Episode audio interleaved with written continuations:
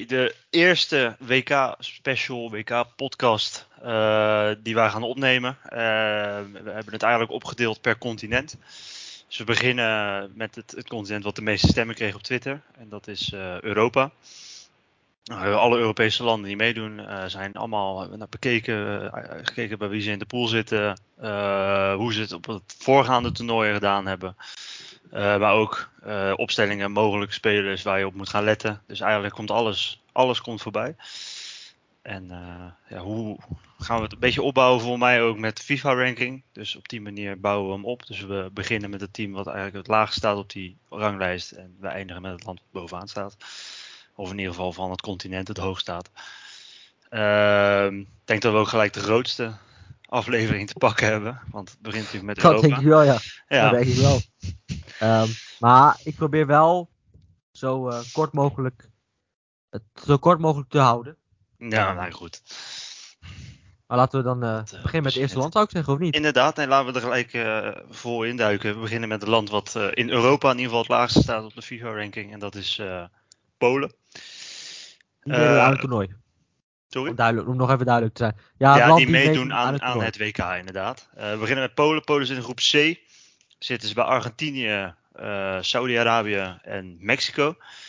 Dus dat is sowieso al een vrij pittige loting voor Polen. Ehm, en die deden het op het vorige WK, eh, want ze waren er wel gewoon bij in 2018 in Rusland. Deden ze het ook. Hadden ze ook heel lastig in de pool. Toen kwamen ze daar ook niet uit. Althans ook niet. Toen kwamen ze niet uit de pool. Eh, toen zaten ze bij Japan, Colombia, Senegal. Nou, dat is denk ik enigszins wat hetzelfde kaliber. Eh, alleen Argentinië staat daar denk ik nog wel ver boven. Dus eh ja, brand los, zou ik zeggen, eh, over Polen.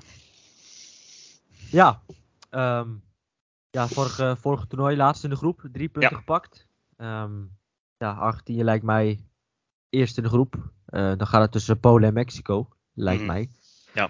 Ehm, ja, er, er lopen echt wel wat interessante spelers rond eh, bij. Natuurlijk de keeper, Wojciech Szczesny, Ja. al jaren doelman van Juventus. Die echt met ups en downs heeft, een keer goede periodes, een keer mindere periodes. Eh, maar bijvoorbeeld afgelopen interlandperiode was hij geweldig. eh Wojciech Szczesny.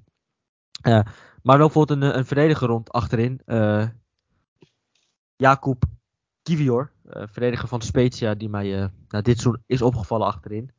Eh dat is wel een naam om te onthouden, deze Jakub Kivior. Want die eh, eh, maakt indruk bij Spezia. En is eigenlijk al tijden eh, ja, international. Want ik heb hem een keer ah, zien spelen tegen Napoli uit. Waar hij een, echt een hele goede indruk maakte. Dat ik toen bij mezelf dacht, ehm, oké, interessant. Eh, maar wie is deze Jakub Kivior? Schijn dat hij inderdaad international is, maar gewoon basisspeler is bij Polen. Eh, Ja. Hij heeft ook tegen Nederland gespeeld, twee keer. Ehm, dus dat is wel een speler om dit toernooi in de gaten te houden. Je hebt bijvoorbeeld ook Nicolo, Nikola Zalewski.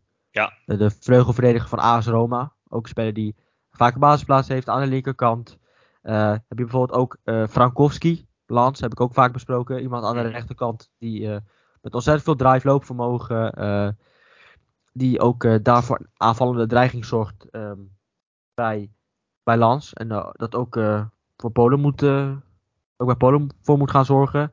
En natuurlijk Piotr Zielinski, een van de, de betere spelers van Polen. Het is echt een middenvelder met een ontzettende loopvermogen. eh, een middenvelder met technisch vermogen. eh, met een goede paas in de benen. En dat is toch wel de speler waarvan ik verwacht dat hij eh, Lewandowski moet gaan bedienen. En ja, Lewandowski hoeft natuurlijk weinig woorden aan vuil te maken. Eh, maar het zijn ook ja, twee spelers om in de gaten te houden die ook uit de Eredivisie komen. Hè? Ko- Kozlowski, Vitesse. Klopt. Daar zien spelen, maakt, vond ik een sterke indruk. Bij de voetballer is dat. En eh, Absoluut. natuurlijk eh, Simanski, Ja, eh, die ook wel eens een basisplek heeft. Alleen als ik heb een beetje gekeken naar, naar Polen, wat ze in huis hebben en ook de spelers die het vaak spelen. ja, kom ik toch uit bij bijvoorbeeld uh, Szczesny op goal. Linksback Mhm. bijvoorbeeld uh, Berezinski. Ja.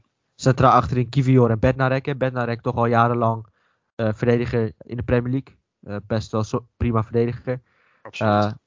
Eh, vaak bij Southampton. Althans, hij heeft jarenlang bij Southampton gespeeld. Klopt. Eh, toch vaak basisspeler.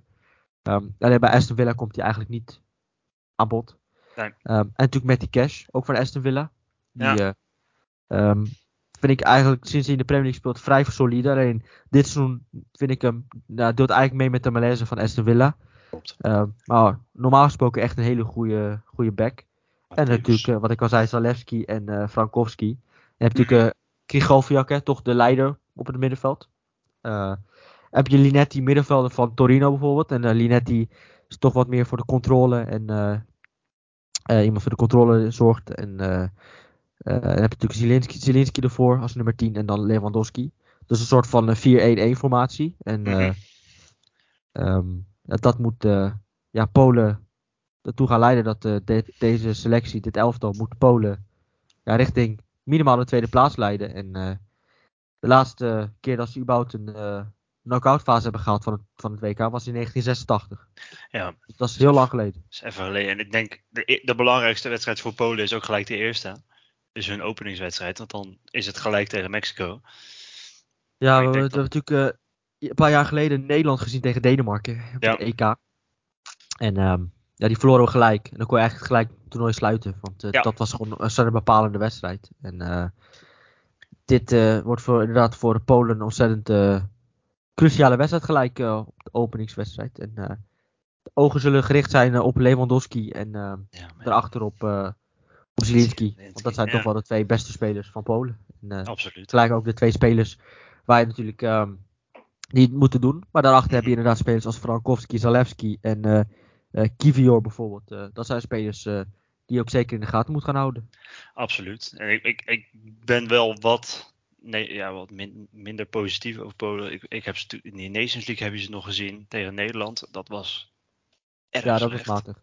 Dat was matig. Um, maar goed, dat, ze wisten natuurlijk ook al, ze waren eigenlijk al uitgespeeld in die Nations League. Dus ja, goed, dat kan je dan ook nog meenemen daarin. Kijk, maar, ja. Ik heb ook geen hoge verwachtingen van Polen. Um, Nee. Kijk, er lopen wel een paar interessante spelers rond. En Mhm. eh, dat is zo. Maar over het algemeen. eh, zeker, ik heb natuurlijk al die landen bekeken. Maar er lopen echt een paar, er zijn, er lopen echt een paar spelers rond bij een aantal landen. Dat, dat is echt bizar. Ja. Eh, dus als je het vergelijkt met Polen. Dan word je daar niet het meest warm van, van Polen. Nee, nee. Ehm, dus ja, voor hun is de tweede plaats al een ontzettende bonus. Als hij, als Polen de knockout fase weet te halen, hebben ze het gewoon goede het- prestatie geleverd. Is het toernooi eh, eigenlijk geslaagd, zou je kunnen zeggen. Dat, eh, als zij dat halen. En, eh, dus ik ben heel benieuwd naar, naar of Polen inderdaad die tweede plek weet te behalen. En daarmee Mhm. is inderdaad de openingswedstrijd vooral heel belangrijk. En ehm, ja, wat ik al zei, als ik dan drie spelers moet opnoemen waar je op moet gaan letten. Ja, ze- zeker Jacob Kivior. Ja. Die het bij Spezia uitstekend doet. En ja, ik kan natuurlijk wel Zielinski of Lewandowski zeggen. Maar dan zeg ik bijvoorbeeld, ja inderdaad, Zalewski, Frankowski. Eh, er loopt ook wel een interessante speler rond. Want eh, je hebt Simon Zurkowski. Die ik vorig seizoen een ontzettend goede indruk eh, zag maken bij Empoli. Hij speelt nu bij Fiorentina. Mhm. Alleen eh, deze Simon Zurkowski eh, speelt ontzettend weinig. Dus Ja. is een ontzettende kans dat hij bijvoorbeeld ook niet wordt geselecteerd. Ehm, maar als hij wordt geselecteerd, ehm, is het wel een speler om in de gaten te houden. Want het is wel een jonge speler die, ehm, ehm, vind ik, ook wel een speler is die, waar je die in de gaten moet kunnen houden. Ehm, dus eh, vandaar dat ik eh, die spelers opnoem. Eh, dat zijn toch wel de spelers waar ik bij Polen toch het, ja, het meest naar, naar uitkijk. En eh, Ja, ja, Polen gehad, eh, denk ik. En, Wat, is, wat was hun kwalificatiegroep eigenlijk? Zaten bij Engeland. Ja? Ja, dat is sowieso lastig natuurlijk. Even kijken hoor, dan moet ik hem even eh, hebben. Zaten bij Engeland, Albanië, Hongarije, Andorra, San Marino. Nou ja, goed, Andorra, San Marino, dat kan je gelijk afvinken. Dat, dat zijn Ja. twee over, wat is het, vier overwinningen. Nou, Hongarije hebben we in de Nation League gezien. Best een goede tegenstander. Eh, Albanië, ja, dat kan heel moeilijk peilen. Die heeft natuurlijk het EK wel gehaald toen in 2016. Ja, maar dat, ja. dat was met een generatie die voor mij ook nu e- niet meer erbij zit. Ehm, maar ja, ze hebben het eigenlijk heel goed gedaan in die, in die, eh, in die wat is kwalificatiepool. Ze hebben bijvoorbeeld tegen Engeland hebben ze gelijk gespeeld. Hongarije eh, hebben ze van gewonnen. eh, en een keer gelijk gespeeld, maar goed. Ze hebben het eigenlijk ja, gewoon prima gedaan. En daardoor staan ze ook op het WK. Ehm, maar goed, ja, het is ook wel, ik denk best wel knap. Gewoon dat, je, dat ze blijven zich gewoon plaatsen. Dat ze hebben natuurlijk vorige WK gehaald. Nou goed, het is wel... eh, Ja, ik denk dat bij Polen de tweede plek wel haalbaar is. Dat moet haalbaar kunnen zijn. Dat moet Ja. kunnen, inderdaad. Maar ja, Ehm, dus ja, dat is, lijkt mij een, een heel mooi doel voor ze. Want uh, ja, Argentinië lijkt mij uh, zonder twijfel favoriet voor de eerste plek. Uh, dat is gewoon een maatje En Polen, Mexico, die zullen voor twee plek gaan strijden. Voor de tweede plek. Want Saudi-Arabië natuurlijk op dat WK ook gezien. dat is toch wel een vrij matig land. Mm -hmm. um, dus ja, dat gaat tussen Mexico of Polen, plek 2. Dus de tweede plek lijkt mij op zich haalbaar dat, ja, ik bedoel, als het, als die eerste wedstrijd mee zit voor ze, ja, dan is dat uh, zeker haalbaar. Ja. Zeker. Nou, dan hebben we Polen gehad. Nou, dan komen we bij het, uh, het land wat dan na Polen op die uh, FIFA-ranking lijst komt. En, ehm, een land wat door velen, en volgens mij door jou ook gezien wordt als een dark horse voor dit WK. En dat is Servië.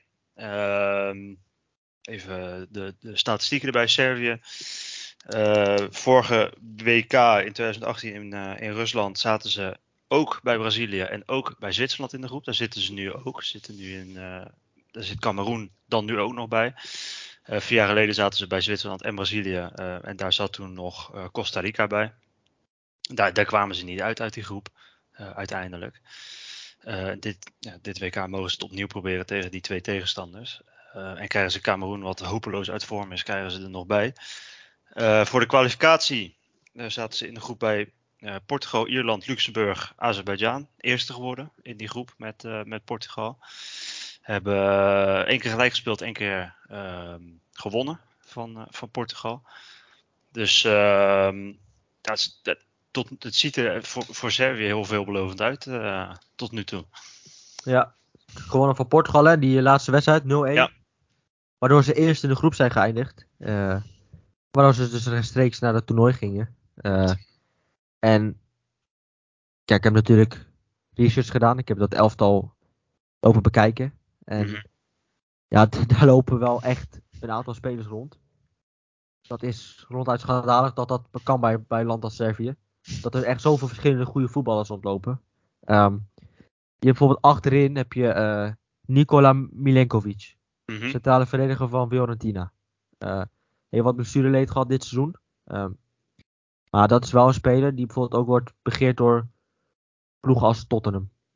Uh, die werd heel vaak door Tottenham uh, in de gaten gehouden, want dat was een speler die, ja, dus dat is wel een ontzettend interessante centrale verdediger die van mij echt indruk maakt bij Fiorentina. En ik heb hem ook een aantal keren zien spelen dit seizoen, dat ik bij mezelf dacht, ja, dit is inderdaad wel een speler die ja, wat ik, ik snap wel waarom hij bijvoorbeeld uh, wordt gezien bij een ploeg als Tottenham. Hè? Want Antonio Conte is natuurlijk ook een ploeg. is natuurlijk een, een, een, een uh, trainer die vanuit achteruit centrale verdedigers willen hebben die het spel kunnen uh, maken. Dus kunnen opbouwen. Absoluut. En Milinkovic is goed aan de bal. sterk in de passing, maar ook goed in de lucht. Is gewoon een hele goede centrale verdediger. die er ook een aantal keren niet heeft bijgezeten. doordat hij inderdaad geblesseerd was. Um, maar normaal gesproken is hij de middelste centrale verdediger. En mm. is het voor hem heel mooi om, um, om zichzelf te, te, laten zien op dat toernooi.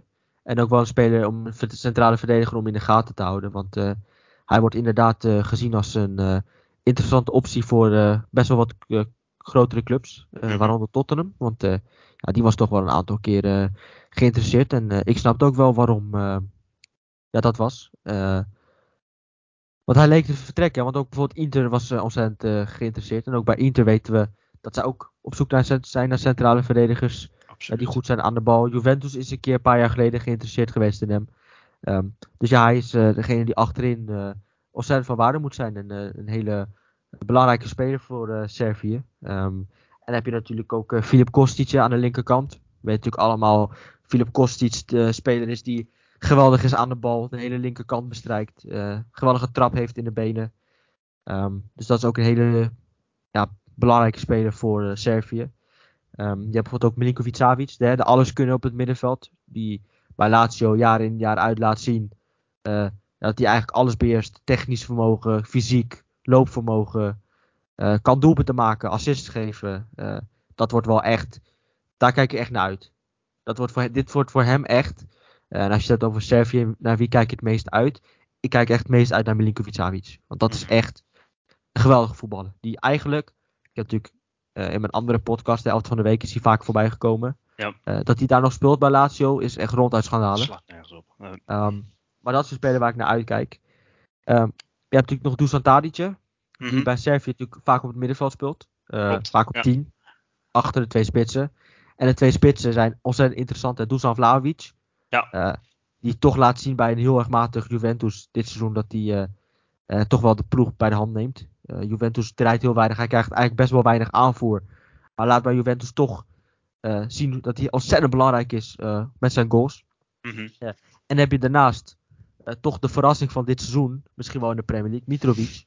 Eh, dat gewoon een ontzettend sterke, slimme spits is. Eh, en een combinatie met uh, Vlahovic en dan Tadic erachter. eh, ja, is het een ontzettend gevaarlijke ploeg met daarachter Milinkovic Savic. Dan heb je Kostic aan de linkerkant. Heb je aan de rechterkant eh, speelt daar bijvoorbeeld vaak eh eh, Zivkovic. Dus Mhm. eh, rechter, rechtsmidden van... eh, speelt in de formatie rechtsmidden, maar is een speler van eh PAOK. Ja. Eh, een technische speler. Eh, technisch vaardige voetballer die dan aan de rechterkant speelt. En dan heb je daarachter Milinkovic.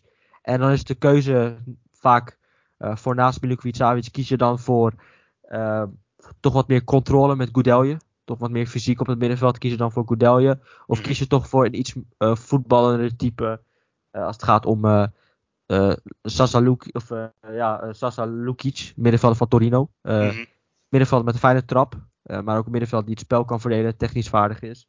Ehm, die ook mij een aantal keren positief is opgevallen bij eh, Torino. Die eh, ook afgelopen interlandperiode ook vaak eh, naast Milinkovic Savic speelde. Ehm,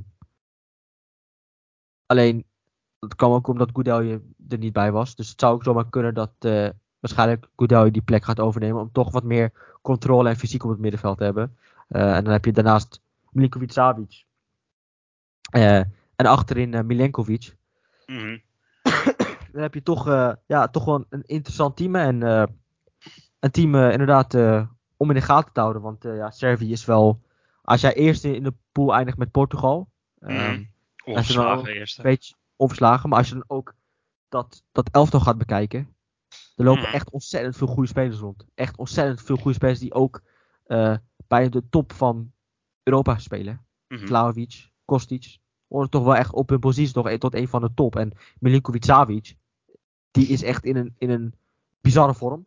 Mhm. Eh, misschien wel de beste speler geweest van oktober in de Serie A. Eh, ja, als, je dat soort, als je dat soort spelers tot je beschikking hebt en eh, Mitrovic die in de Premier League in zo'n vorm is, dan wordt het een ontzettend interessant elftal. Ze hebben bijvoorbeeld ook Ilic, die ja, speelde bij NAC, speelde nu bij Mhm. Hellas Verona. Is me ook dit seizoen opgevallen, ook een speler met een hele fijne voetballer die inzicht heeft, ook een fijne trap heeft in de benen. Eh, dus dat is ook een speler om in de gaten te houden. Dus bij Servië loopt er echt ontzettend veel spelers om eh, in de gaten te houden. En eh, ja, dit is wel voor mij eigenlijk bijna geen twijfel dat zij een groep gaan overleven. Ja. Samen met Brazilië zullen zij denk ik de groep overleven.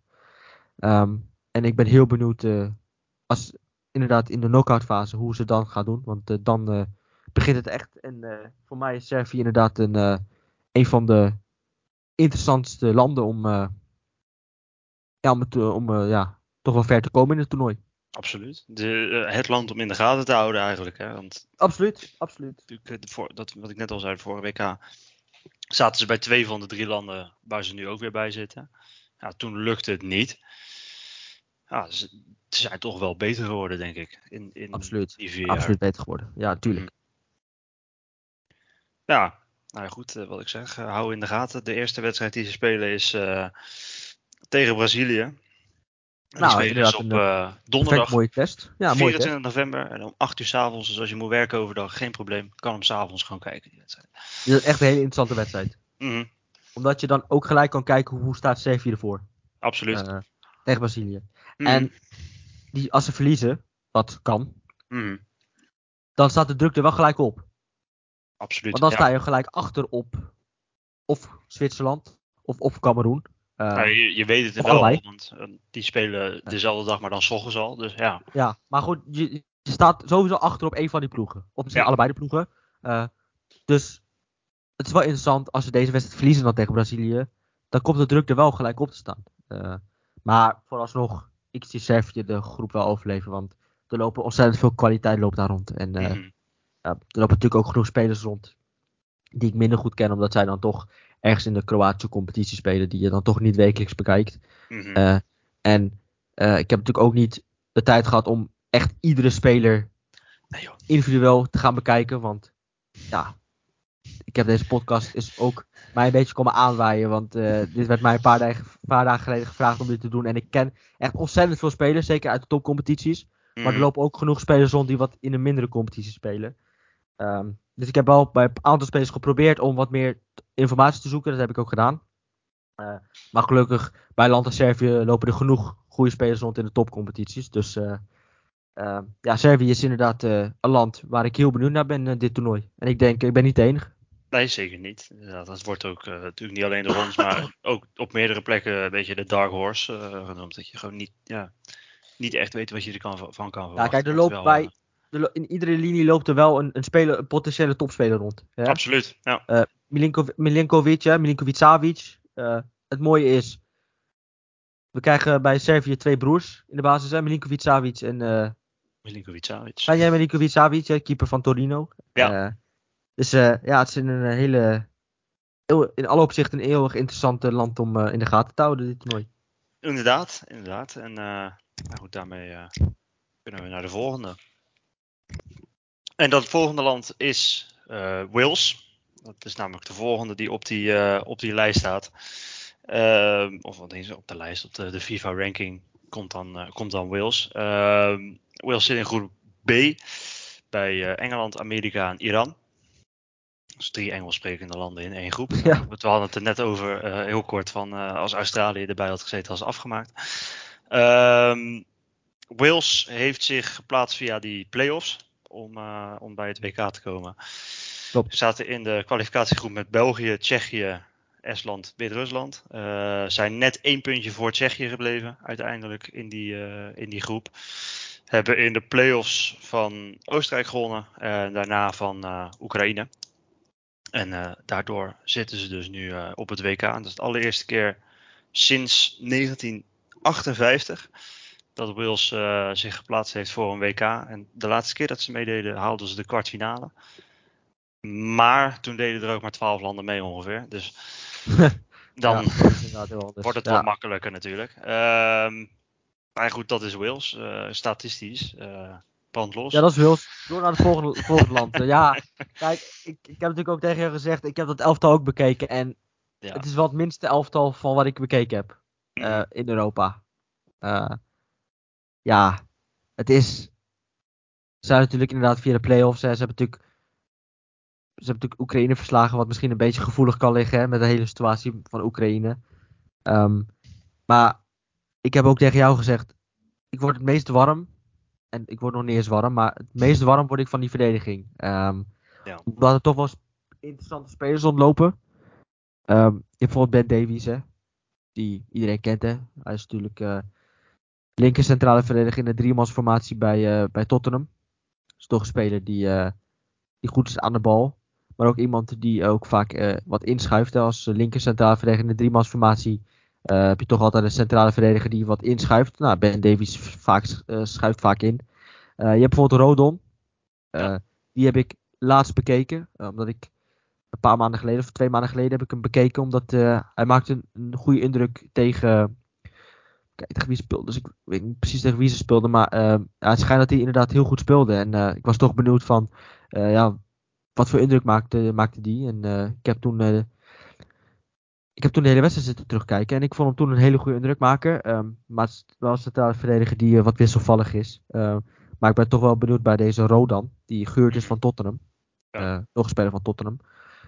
Ben ik toch wel benieuwd naar dit, dit toernooi. Van hoe gaat hij zich op dat WK staande houden. Eh, omdat hij natuurlijk ook bij Stade Rennes eh, inderdaad ook wel prima wedstrijd heeft gespeeld. Maar ook Absoluut. mindere wedstrijd heeft gespeeld bij Stade Rennes. Eh, maar het blijft wel, eh, omdat ik hem natuurlijk al bekeken heb. Dus ik heb hem, ik heb hem eigenlijk, ik kende hem eigenlijk ook van zijn tijd nu bij Stade. Eh, ben ik toch wel benieuwd naar hoe hij het eh, op dat WK gaat doen. Maar je hebt bijvoorbeeld ook Ampadu. Wat toch wel een Ja. beetje verdediger is ge- van Chelsea. Hè. Die heeft natuurlijk ook wel een aantal clubs gehad. Hè. Laten we zeggen Leipzig.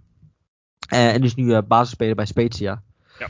Ehm, heb ik ook een aantal weken geleden bekeken. Ehm, en ook eh, daar bij Spezia. We, we hebben natuurlijk net ook gehad bij Polo van een verdediger van Spezia. Nou, Mhm. loopt er nu ook weer een verdediger van Spezia rond die... eh, ik verwacht dat hij basisspeler gaat worden. Eh, Mhm. ook nog steeds een jonge, jonge jongen. Ehm, dus je hebt met eh, Joe Rodon en eh, met Ampadu toch twee jonge centrale verdedigers. eh, die we toch eh, een beetje in de gaten kunnen houden. Want hij doet eigenlijk best wel lang mee, maar hij is nog steeds 22. Eh, Klopt, ja. Nou, is nog steeds eh, vrij jong. Ehm, het, eh, voor iemand die toch eigenlijk al best wel lang ehm, Ja. mee, meegaat. Hè. Hij heeft natuurlijk al bij eh, toch best wel clubs gehad. Hè. Hij heeft natuurlijk eh, Sheffield United gehad, hij heeft Leipzig gehad, eh, hij heeft Venetia gehad eh, en nu Spezia. hij heeft op zijn 2017 zijn debuut gemaakt voor het nationale elftal. Dus eh Ja, moet je nagaan. Hè. Op zijn, vijf eh, jaar. op zijn 17e en eh, nu 22. Ehm, ja, en is eigenlijk gewoon, eh, is eigenlijk gewoon volledig basisspeler daar. En eh, ehm, ik moet heel eerlijk zeggen, ik heb hem niet wekelijks, eh, is, me niet wekelijks opgevallen. En het is ook niet zo dat ik wekelijks live naar Spezia heb lopen kijken. En eh überhaupt Spezia terugkijken is vrij lastig, hele wedstrijden terugkijken. Mhm. Dat is eigenlijk bijna niet te doen. Eh, want ze hebben ook niet tegen de. ze hebben maar tegen twee grote clubs gespeeld. Dus meestal ze- worden die wedstrijden wel altijd uitgezonden. Maar bijvoorbeeld tegen Napoli is mij bijvoorbeeld Kivior wel weer opgevallen. Maar Ampadu is wel eh, een speler die daar in de basis staat. En nog steeds een jonge jongen is. eh, en die eh, op dat toernooi toch een naam voor zichzelf kan maken. En eh, eh, vandaar dat ik eh, inderdaad die centrale, die acht, achterhoede toch wel het meest interessante vind. Mhm. Ehm, en je hebt, eh, wat ik ook interessant vind, is Nico Williams. Hè? Ja. Basisspeler van Nottingham Forest. Ehm, speelt bij Nottingham Forest aan de rechterkant. Ehm, maar speelt bij eh Wales vaak aan de linkerkant. Klopt. Ehm, Ja. Want je hebt Conor Rob- Roberts, hè? de back van Burnley. Die eh, speelt dan aan de rechterkant. Eh, maar deze Nico Williams is eigenlijk een beetje een... een ik, heb hem, ik weet niet of ik hem eerder al benoemd heb, maar... Hij doet mij een beetje denken aan Trent Alexander-Arnold. Een beetje de, de, de light versie van Trent. Ja. Eh, als het gaat om aanvallend opzicht. Goede trap in de benen. Mhm. Had laatst ook een assist op, op die spits van ze. Ehm Avonier, Tayo Avonier. Ja.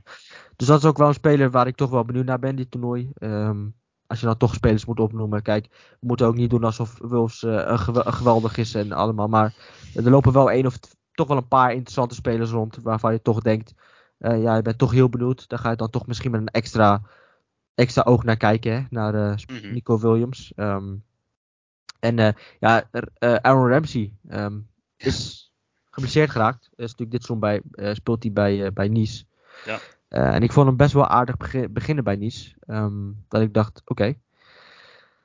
Alleen hij is, natuurlijk, hij is natuurlijk geblesseerd geraakt. En eh, ik moet je heel eerlijk bekennen dat ik de status van hem niet helemaal weet. Ehm, maar dat is wel een speler waarvan het toch moet gaan komen. Hè? Al jarenlang bij de nationale elftal moet het toch komen van, ehm, van hem. En van Bill. Ja. Eh, van Bill, maar ook van hem. En Ja. dat is dus wel een speler. Ja, als je toch eh, denkt aan Wils, is dat toch wel de speler waar je toch wel het, eh, ja, het vaakst aan, aan moet denken. Maar eh, hij schijnt dat hij inderdaad de, laatste paar wedstrijden toch wel een paar minuutjes heeft gemaakt. Hij heeft de laatste drie wedstrijden is hij weer, weer teruggekomen. Hij was Mhm. geblesseerd, maar hij is nu weer terug. En is langzamerhand een beetje weer, weer minuutjes aan het maken. Dus die wordt ook weer klaargestoomd voor dat toernooi. Ehm, Ja. En ja, en voorin heb je Daniel James, hè? Ja. Die toch eh, van United. Dat vind ik echt een speler die ontzettend snel. Maar het. rendement heeft hij niet. En Nee. eh, ik vind dat een hele rare voetballer. Want hij is ontzettend Nee. snel, maar, maar dat is het ook. Dat is het eigenlijk wel. Dat Ja. is het. Hij heeft pure snelheid. En dan kan je, dan kan je op, in, in, als het gaat om een counter en diepte, kan je er heel veel aan hebben. Alleen, ja, met alleen snelheid kom je niet ver. Eh, Nee, helemaal. maar eh, dat is wel een potentiële basisspeler. Ehm, maar daar heb ik eigenlijk weinig verwachtingen van. Ehm, Mhm. En waar ik wel het meest naar uitkijk is, ik ben heel benieuwd naar Garrett Bill. Die zou toch al een tijdje kwijtgeraakt hè. Want ik moet toch heel eerlijk bekennen dat ik nou niet de wekelijks de MLS aanzet. Ehm, Nee. En Kiefer Moore hè. Twee keer Mm. gescoord afgelopen weekend eh, voor Tottenham. Dat, bedoel tegen Tottenham. Ja. Ja. dat is wel echt de, de, de, de, de kopsterke spits. Dus dat is wel een speler van, ik denk dat we bij Wils heel veel de lange bal op hem zullen gaan zien. En dat hij moet dan de kopduels gaan winnen en dan moet de tweede bal voor Wils, Wils zijn en dan vanuit daar moet eh, Wils dan gevaarlijk worden. Ehm, dus dat wordt wel een wapen denk ik, Kiefer Moore. Absoluut. Eh, ja.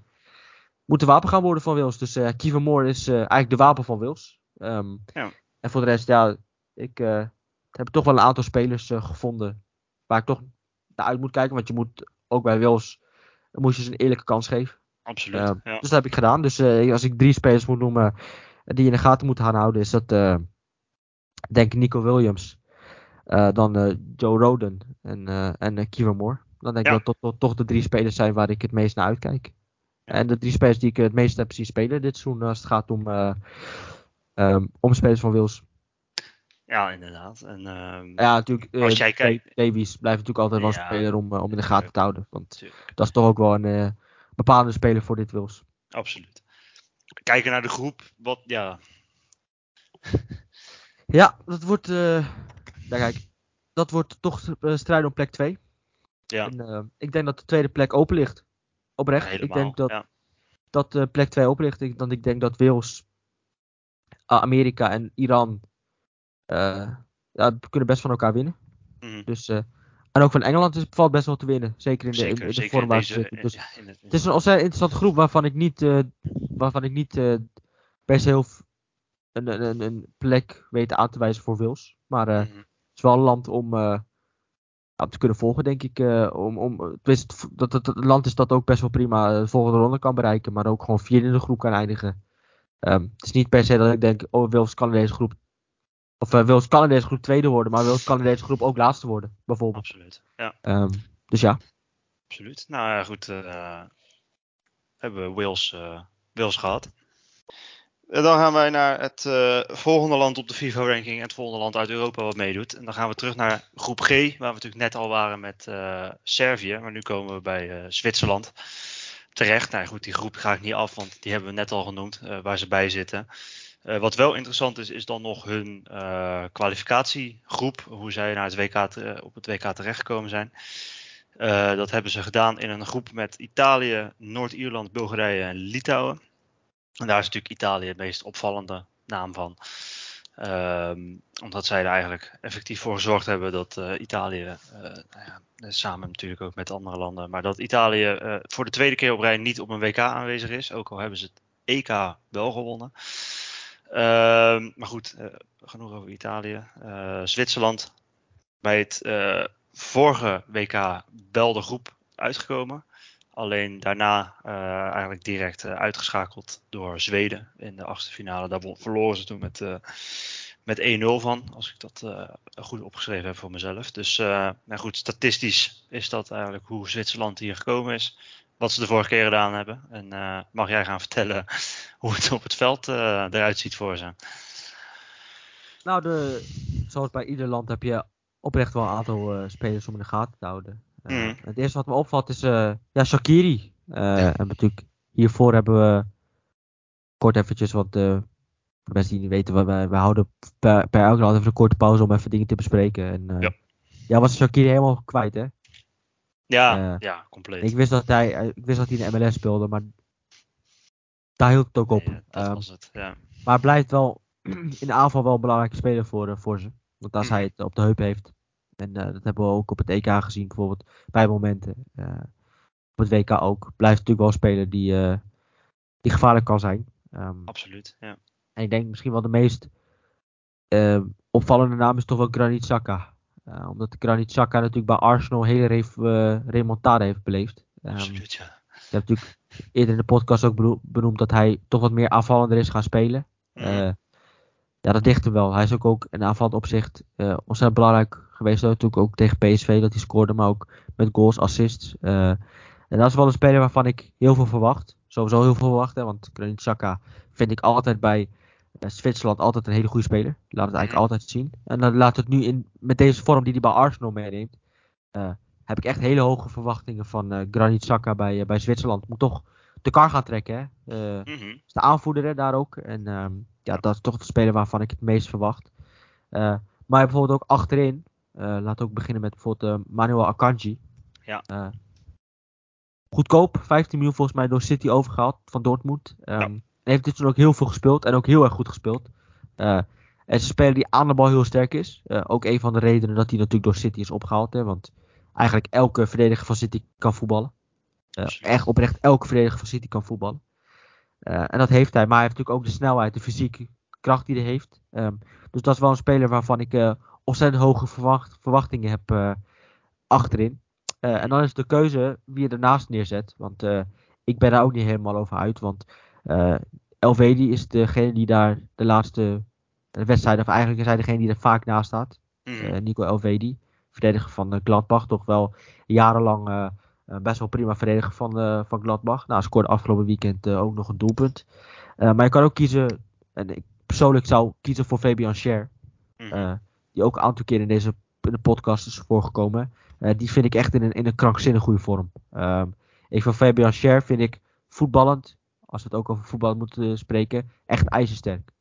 Um, zijn passing, ook vooral zijn lange passing, is uh, uh, zeker ook achter verdediging, is ontzettend, um, is ontzettend gevaarlijk. Daar Mhm. creëerde ook Newcastle echt een aantal kansen uit de afgelopen wedstrijden. Maar ook verdedigend is, vind ik hem heel sterk. in de vorm dat Fabian Scher is, zou ik persoonlijk kiezen voor, voor Fabian Scher. Ja. Achterin, linksback, nog altijd uh, uh, Ricardo Rodriguez. Ja. Uh, ken natuurlijk ook van PSV. ja, blijft daar, is, is wat ouder gewo oud geworden, maar blijft daar nog steeds bijvoorbeeld de linksback. Um, ja, Wietmer, de rechtsback, de speler van Mainz. gaf afgelopen weekend een assist. En is wel een speler die toch best wel veel energie aan de, aan de rechterkant in, inzet. Is toch wel iemand die best wel veel energie erin ligt elke keer. Ja. Uh, je hebt de speler van Nottingham Forest op het middenveld, hè? Raymond Freuler, die vaak uh, natuurlijk jaren bij Atalanta heeft gespeeld. Hij is toch een middenvelder die zorgt voor controle, maar is ook een middenvelder die het spel op gang moet uh, brengen. En moet proberen andere middenvelders of aanvallers te bereiken die dan het spel op gang, die dan verder ja, de aanval beginnen. Maar hij is dus degene die eigenlijk ook voor de controle zorgt en ook de, de, de, zijn medespelers op de juiste manier moet kunnen bereiken. ja, en dan heb je Vargas, hè? buitenspeler Ja. van uh, Augsburg. Vind ik een interessante speler. Omdat hij ook mij een aantal keren positief laat zien. Vind ik een ontzettend leuke voetballer. als hij het op de heupen heeft, is het echt een ontzettend gevaarlijke voetballer. En een hele leuke voetballer om naar te kijken. Ja. En dan heb je bijvoorbeeld de Brio Embolo, de spits. die neergestreken is bij Monaco. En ik heb veel wedstrijden van Monaco gezien. En ook van hem. En ik vind het hem een enorm snelle, sterke spits. maar is ook een spits die ook ja, uh, mede, of, tegenstanders bezig kan houden. Waardoor weer elders ruimte ontstaat. Maar het is ook een speler die medespelers ook kan bereiken. Ook in de combinatie met medespelers.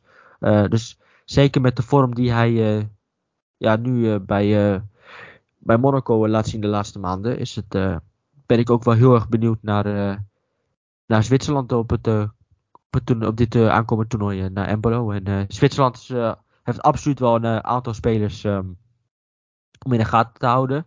Mm -hmm. Maar uh, ik denk dat zij wel uh, de groep uiteindelijk niet gaan overleven. Want ik denk dat uh, Brazilië en Servië zijn voor mij wel de duidelijke favoriet. Ja. ja duidelijk, ja. Maar als ik, als ik dan toch drie spelers moet noemen om, om in de gaten te houden. Mm -hmm. um, is dat... kijk, we hebben natuurlijk nog niet over Jan Sommer gehad. Hè. Die hebben ze natuurlijk ook nog. Hè, wat natuurlijk een, een fantastische keeper is. Hè. En natuurlijk vaak gehad over zijn lengte. Wat misschien wel bij, bij veel clubs een probleem kan zijn. Maar uh, geweldige keeper. Maar ik denk. De spelers waar we misschien het meest op moeten gaan letten. Is uh, Manuel Akanji. Ja. Uh, Brio Embolo. en ik ben wel heel erg benieuwd naar Vargas. Mm -hmm. want dat vind ik, ik wel een hele interessante speler. Als hij het op de heupen heeft. is het wel echt een hele fijne voetballer. Dus dat zijn voor mij de drie spelers om in de gaten te houden. Dus nou, dat is een beetje Zwitserland. Uh. Inderdaad. Ja, schrijf die drie namen op en uh, dan gaan we naar, naar de volgende. en dat volgende land is Kroatië. want het is wederom weer de eerstvolgende op die FIFA-ranking. Kroatië zit in groep F met België, Canada als debutant en Marokko. Kroatië heeft zich in de kwalificatie zijn zij eerste geworden voor Rusland. Dus uh, achteraf gezien, als ze tweede waren geworden, hadden ze zich ja. nog direct geplaatst. Maar goed, Klopt. dat wisten ze toen nog niet. Daarnaast zaten ze ook bij Slovenië en Slowakije, Cyprus en, en Malta. hebben daar eigenlijk maar één wedstrijd in verloren. en we hadden het, zoals we net al zeiden, heel, heel kort pauzetje tussen alles in zitten. hadden we het er net al over van, nou goed, kunnen ze de groep winnen? Ja, ik denk het wel. Ja. Ik, denk, ja. ik, ik denk oprecht dat Kroatië deze groep gaat winnen. Want ik, uh, ik heb gisteravond um, tussen de Champions League door, tussen mijn eigen andere podcast door, uh, Mhm. voetbal kijken door, heb ik eigenlijk een beetje die, die selecties lopen te bekijken. En Ja. namens de opschrijven die, waarvan ik toch, die mij toch opvallen. En ik kwam toch tot een aantal spelers die gewoon geen eens basisspelers zullen zijn. Dat ik denk, denk god de Christus, wat is dat er voor een elftal? Ehm, ze hebben om te beginnen, uh, ja, ach, op te beginnen achterin uh, heb je Josko Guardiol. Ja. Uh, als we het hebben over een, een, talentvolle centrale verdediger, is hij het wel. Um, en ik vind hem zijn grootste kwaliteit zijn voetballend vermogen. ook een van de redenen dat Manchester City hem wilde hebben. Mm -hmm. Alleen ja, hij was gewoon 80 miljoen veel te duur. Kwamen ze uit bij Manuel Akanji. Maar Josko Guardiol was optie nummer 1 achterin. Ja. is echt een fantastische centrale verdediger voetballend vermogen van achteruit. Uh, alleen, ik vond hem dit seizoen bij momenten uh, stukken minder. Maar dat kwam ook omdat Leipzig, zeker de organisatie bij Leipzig, zeker in de weken hiervoor, mm. echt dramatisch was. Ja. het bij Union Berlin dat de hele vereniging gewoon faalde. En hij faalde daarin mee. Maar vorig seizoen, um, zeker vorig seizoen, vond ik hem echt briljant. Was hij een van de beste centrale verdedigers in de Bundesliga. dit is dus gewoon een speler achterin bij Kroatië, waarvan ik echt ontzettend hoge verwachtingen van heb. Want hij ook van achteruit de opbouw, het spel moet kunnen gaan verzorgen. Hij moet ook degene zijn die het middenvelders aan het werk gaan krijgen. En ook de middenvelders op een juiste manier bedienen, waardoor zij ook weer een aanval kunnen gaan beginnen. Uh, en ze hebben natuurlijk Borna Sosa. Ja, is eigenlijk de tweede keer dat wij hierover gaan hebben. Want in de podcast ervoor stond hij het elfde van de week. Ja. Uh, we hebben gezegd over Borna Sosa, geweldige traptechniek. Uh, dat wordt wel een speler die. Uh, ja, dat, wordt wel, dat, wordt heel, dat gaat een speler worden, denk ik, dat wij. Dat veel mensen gaan zien en dan echt erover gaan hebben. Dat kan wel bijvoorbeeld de nieuwe Spinazzola worden. Mm -hmm. uh, we hebben natuurlijk Spinazzola op het EK. Dat, iedereen had het over Spinazzola. Ja. En deze Borna Sosa kan die rol gaan overnemen. Want het is een back die ook als wingback kan spelen. Eigenlijk is het ooit een middenvelder geweest. Mm -hmm. uh, die ook vaak als wingback heeft gespeeld. Maar nu ook uh, als linksback speelt bij uh, Stuttgart. En ook bij het nationale elftal bij, als linksback speelt. Het geweldige trap in de benen. Zijn linker is echt heel goed. Maar hij kan ook prima met zijn rechter. Um, dus dat is absoluut een speler. Om dit toernooi in de gaten te houden. En dan heb je ook een jonge jongen genaamd Soetalo. centrale Mhm. verdediger. Um, is nog jong. 21 jaar. ik moet heel eerlijk bekennen dat ik hem niet heel goed ken. maar het is wel een jong iemand die al op best wel jonge leeftijd basisspeler is van Kroatië. Um, dus dat is wel een speler om ja, aankomend toernooi toch in de gaten te houden. Uh, maar de, de, de, de, linie waar ik echt het meest warm van word is het middenveld. Mm -hmm. Want daar, lopen, um, daar, daar loopt gewoon een, een, een bizar middenveld rond met Marcelo Brozovic, wat wel, die wel geblesseerd is. Mm -hmm. uh, dus het is maar afwachten uh, of hij op tijd fit is en hoe, hoe hij herstelt. Hij nog is, ja. Um, ja, ja, kijk, als hij fit is, fantastische voetballer.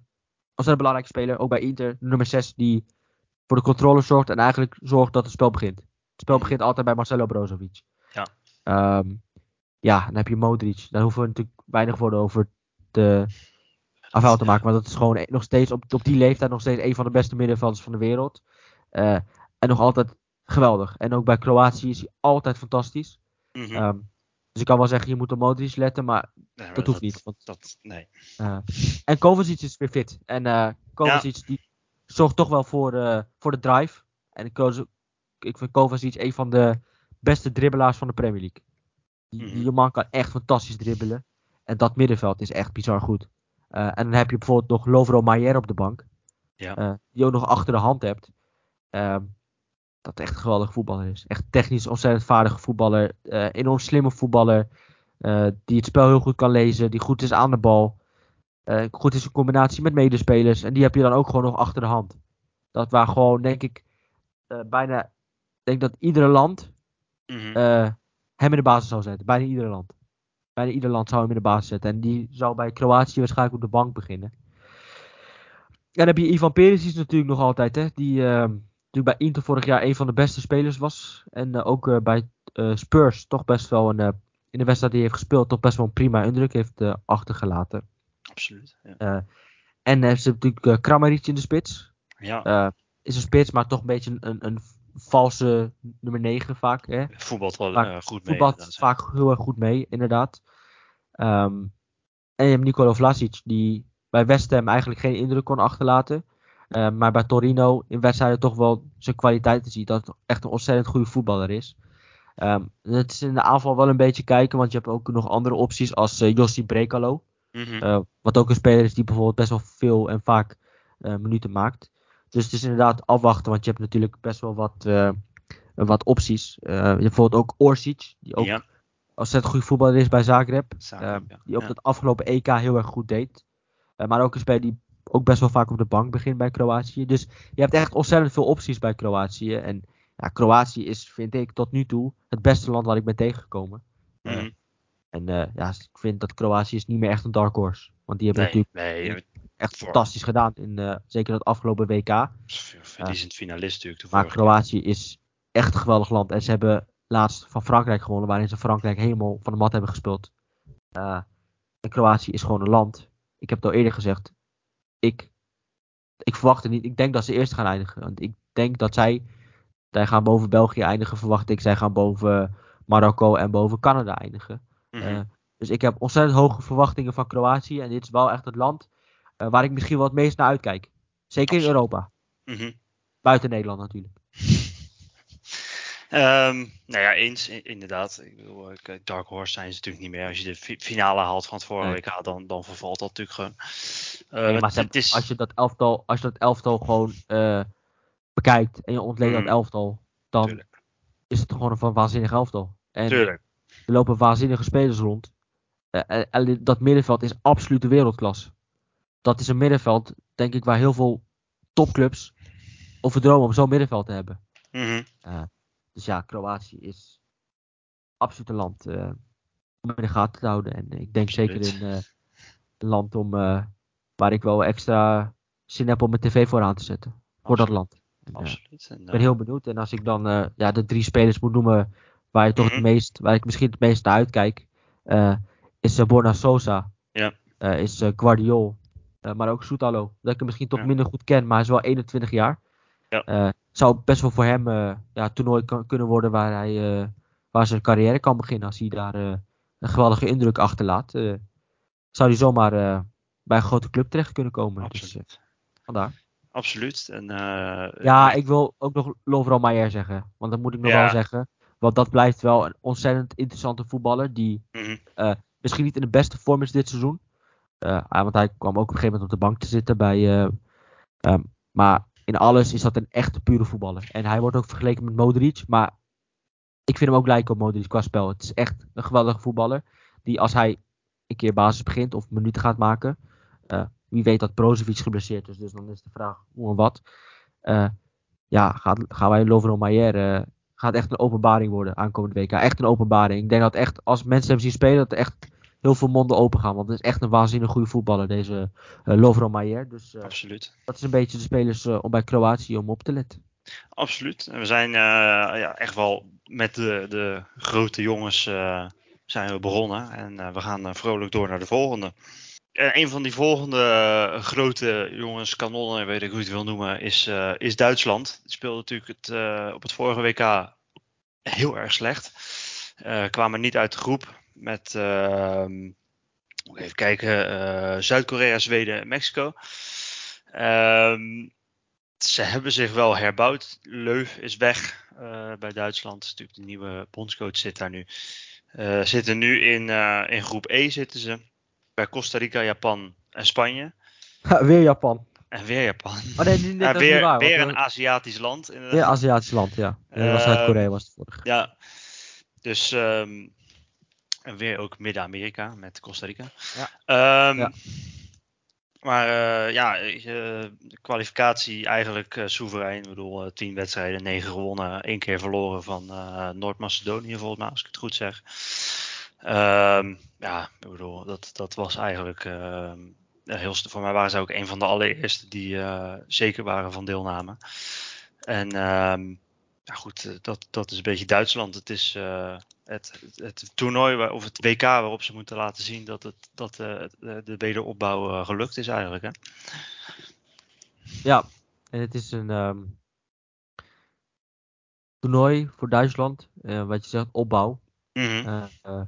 en het is natuurlijk, het is natuurlijk Müller, Hummels hebben ze er ook afscheid van genomen. Hè?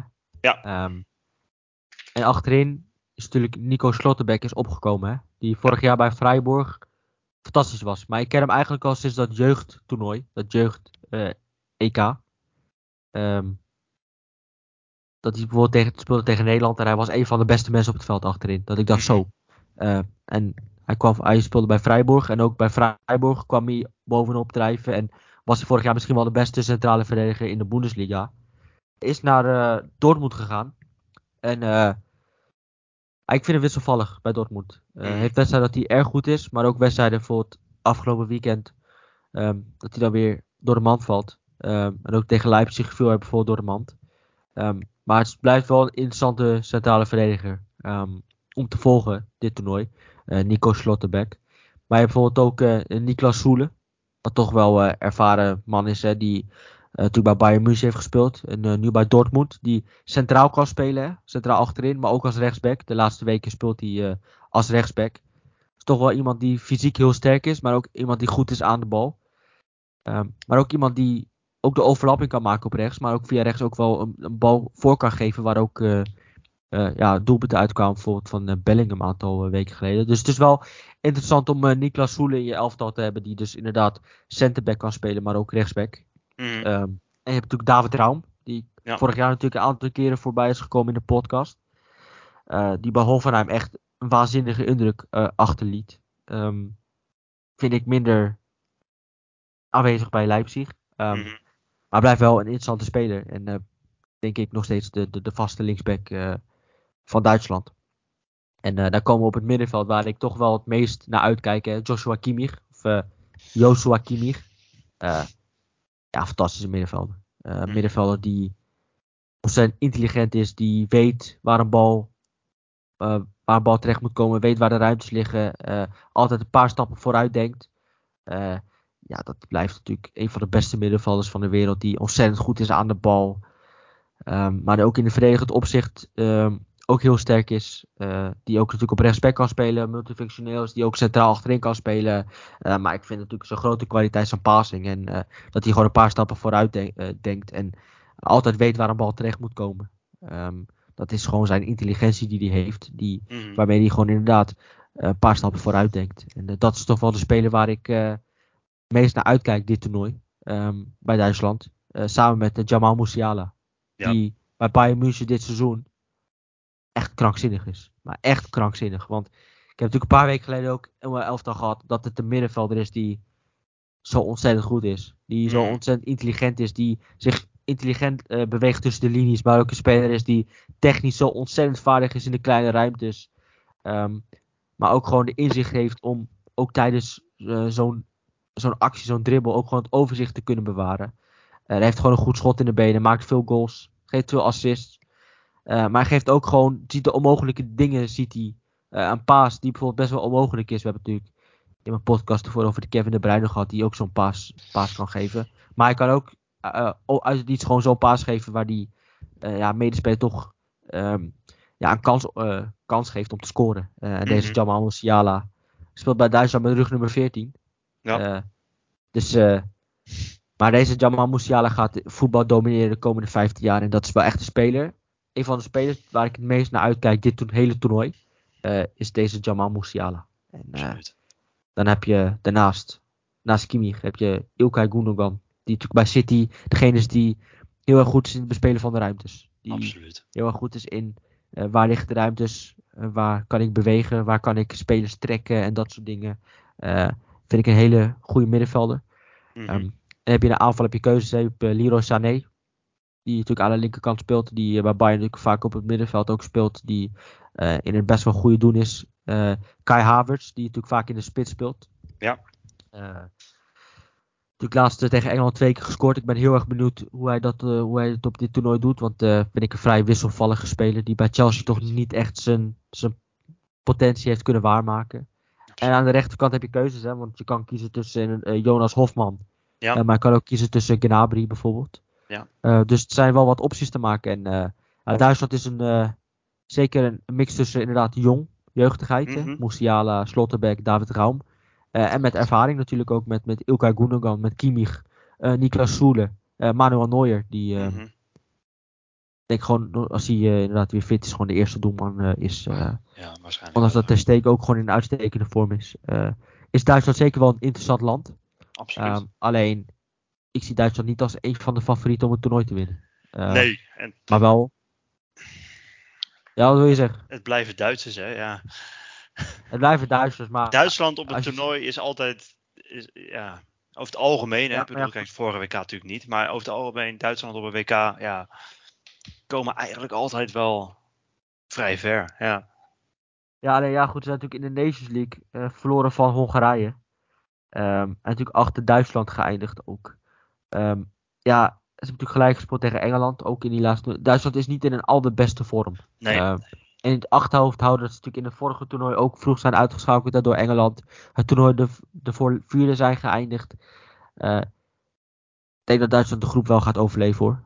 Mm um, alleen ik zie ze niet als favorieten. Ik denk als zij de eerste de beste land tegenkomen, goede land tegenkomen, dat ik ze gelijk als underdog zie. Um, en dat ben je niet gewend van Duitsland bijvoorbeeld. Nee. Um, maar ja, zo is het wel op dit moment. Zo voelt het wel op dit moment dat Duitsland toch niet echt tot de echte elite hoort op dit moment. En dat zie je ook als je gaat kijken naar de, de wereldranglijst. Mm -hmm. Dat Duitsland inderdaad achter landen zit als, als, als, uh, als Denemarken, als uh, Portugal. Staan, ja, daar staan uh, in, in Europa nog zeven boven. Dus, ja. ja, dus het is, ze zijn inderdaad afgezakt. En zo mm -hmm. voelt het ook.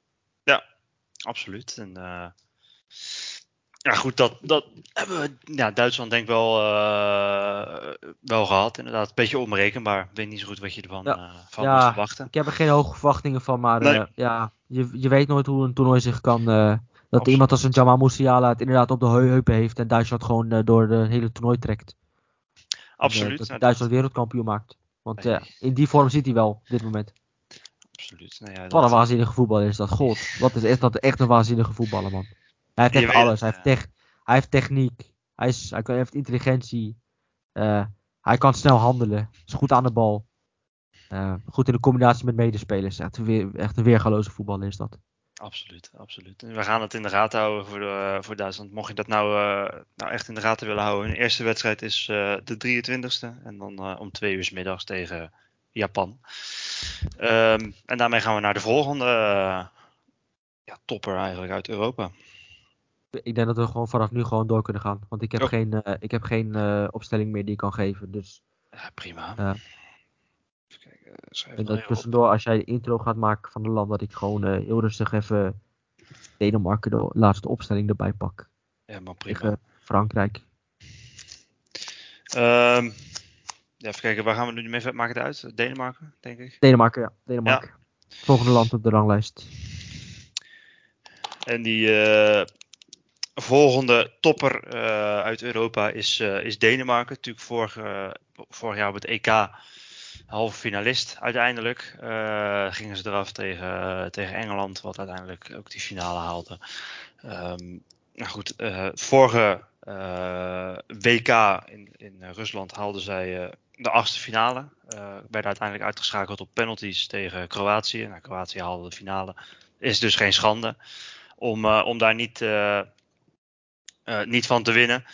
Uh, zitten nu in, uh, in een groep met Australië, Frankrijk, Tunesië. Ehm, ja, en als je daar gewoon puur zo naar kijkt, dan zou je zeggen dat doorkomen wel moet kunnen voor de Denen. Ik zal ook nog even heel snel hun kwalificatie erbij bij halen. En zij zaten in een, in een groep met Schotland, Israël, Oostenrijk, de Faroe-eilanden, jeetje, en Moldavië. En daar zijn ze eigenlijk vrij gemakkelijk uh, eerste in geworden. Ze hebben één wedstrijdje verloren, maar de rest allemaal gewonnen. Eigenlijk net als Duitsland. Dus uh, ja, ze maken een beetje de status die ze zichzelf uh, gegeven hebben met die prestatie op het EK tot nu toe best wel waar. En ja, wat, wat denk jij ervan? Ik denk dat Denemarken best wel eerste kan eindigen in deze groep. Ja. Um, boven Frankrijk. En daar ben ik heel serieus in. En ze hebben natuurlijk Laatst ge uh, gespeeld tegen Frankrijk, hè? Ja. Uh, gewonnen van Frankrijk ook. 2-0. En uh, ik denk dat het ook ontzettend gaat afhangen van de vorm van Christian Eriks. Klopt. Want die was de afgelopen interlandperiode echt, echt waanzinnig goed. Maar echt krankzinnig goed. die wedstrijd tegen Frankrijk was hij met afstand de allerbeste man op het veld. Wat was die goed? En dat is natuurlijk nu ook bij Manchester United. Heeft hij echt een uitstekende vorm. Hij gaf afgelopen weekend uh, ook een assist op uh, Rashford. Mm -hmm. dat is ook wel gelijk de speler waarvan ik toch het meest verwacht heb van Denemarken. Um, en natuurlijk, we weten allemaal wat er met Denemarken ja. gebeurde. Die met Eriksen gebeurde op het EK. En desondanks haalden ze de halve finale. Mm -hmm. Dus je mhm. vraagt je af nu met Eriksen erbij, ja, hoe ver kan kunnen ze komen? Um, maar ja, Christian Eriksen, dat blijft wel natuurlijk de, ja, de creatieve man. Hè? Dat is de man uh, die het moet gaan doen. Hè? De man die uh, tot Denemarken toch dat extra level geeft. Hè? Dat is toch wel degene die ze dan toch nog extra sterker maakt. Dan zal zijn. Um, maar ja, ze hebben bijvoorbeeld achterin hebben ze Joachim Andersen. En uh, mm-hmm. ik denk dat ik hem wel vaker benoemd heb. Um, ontzettend goede centrale verdediger. We kennen hem natuurlijk bij Twente waar hij geen indruk heeft gemaakt. Um, maar ik vind hem bij uh, Crystal Palace al twee jaar achter elkaar heel erg solide. Mm-hmm. Een goede centrale verdediger, die iemand die fysiek, fysiek uh, gebruikt, die ook wel agressiviteit gebruikt. Um, maar is ook iemand die ontzettend goed kan voetballen. Echt ontzettend goed voetballen. iemand die echt een geweldige paas in de benen heeft. En dat heeft, laat hij bij Crystal Palace echt een aantal keren heel erg goed zien. en daarnaast heb je bijvoorbeeld Andreas Christensen. die in de laatste wedstrijd heeft gespeeld. Uh, um, bij Chelsea vond ik hem ook altijd solide. Ook iemand die voetballend goed is. Uh, bij Barcelona komt natuurlijk weinig aan spelen toe. Uh, maar je hebt nu bijvoorbeeld Simon Kier die weer terug is. ook wel een ontzettend belangrijke speler is geweest bij Milan hè, de afgelopen jaren. Die het daar ook heel erg goed doet. Um, dus ik verwacht inderdaad wel dat een van die spelers toch gaat banken. Moet wel. dus er zijn inderdaad keuzes te maken. Want ik vind dat drie echt een goede centrale verdedigers. En het is inderdaad de vraag of of inderdaad de Joachim Andersen de, het slachtoffer gaat worden en het uh, Christensen en uh, Kjær gaat worden. en ze hebben natuurlijk Rasmus Christensen, hè.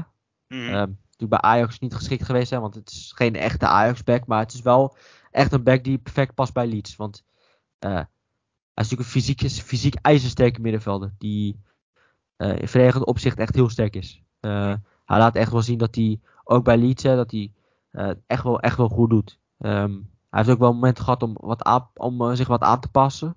Maar het is wel echt een, het fysiek, uh, een fysieke monster uh, op rechtsback daar bij, bij Denemarken. En heb je Joachim Mele, die op het afgelopen EK indruk maakte aan de linkerkant. Um, ja. ja, is nu nog steeds de basisspeler van Denemarken. En iemand die toch die hele linkerkant kan bestrijken. dus dat is wel een speler waar ik heel erg naar uitkijk. en dat middenveld, Pierre-Emil Hooiberg, die in een ja. bizar goede doen is bij, bij Tottenham. Uh, middenvelder die uh, ja, echt agressieve, agressiviteit toevoegt, hè, felheid toevoegt op het middenveld. Uh, maar ook dynamiek toevoegt op het middenveld. Maar ook een middenveld die echt heel goed is aan de bal. Een middenvelder gaf afgelopen weekend echt een schitterende assist. echt een geweldige steekbal zo, zo diagonaal in de hart van de, van de defensie waar uiteindelijk het doelpunt uitkwam. En dan heb je bijvoorbeeld Thomas Delaney, dat toch wel moet gaan zorgen voor de controle op het middenveld. Hè? Delaney die ook als centrale verdediger vaak heeft gespeeld hè, bij Dortmund. Nu bij ja. Sevilla um, toch middenvelder. Uh, toch wel ja, niet heel veel speelt. Hè, want ja, Fernando is daar misschien toch wel de meeste. Staat toch wel de, de beste middenvelder die ze hebben. Uh, zeker controlerend gebied. Uh, en deze, deze Thomas Delaney is voor Denemarken wel ontzettend belangrijk. Zeker als je Christian Eriksen hebt en je hebt Pierre-Emile Hooiberg. Dan heb je wel iemand als Thomas Delaney nodig op dat middenveld. en aanvallend opzicht, hè, Miko Damskaart, hè, de Misschien wel een van de revelaties van afgelopen EK. Uh, eh, bij Brentford speelt hij niet, maar uh, hij is toch wel een speler om uh, in de gaten te houden op, voor Denemarken. En natuurlijk heb je Kesper Dolberg. Ja. Die ook op afgelopen EK het uitstekend deed. Scoorde tegen Frankrijk.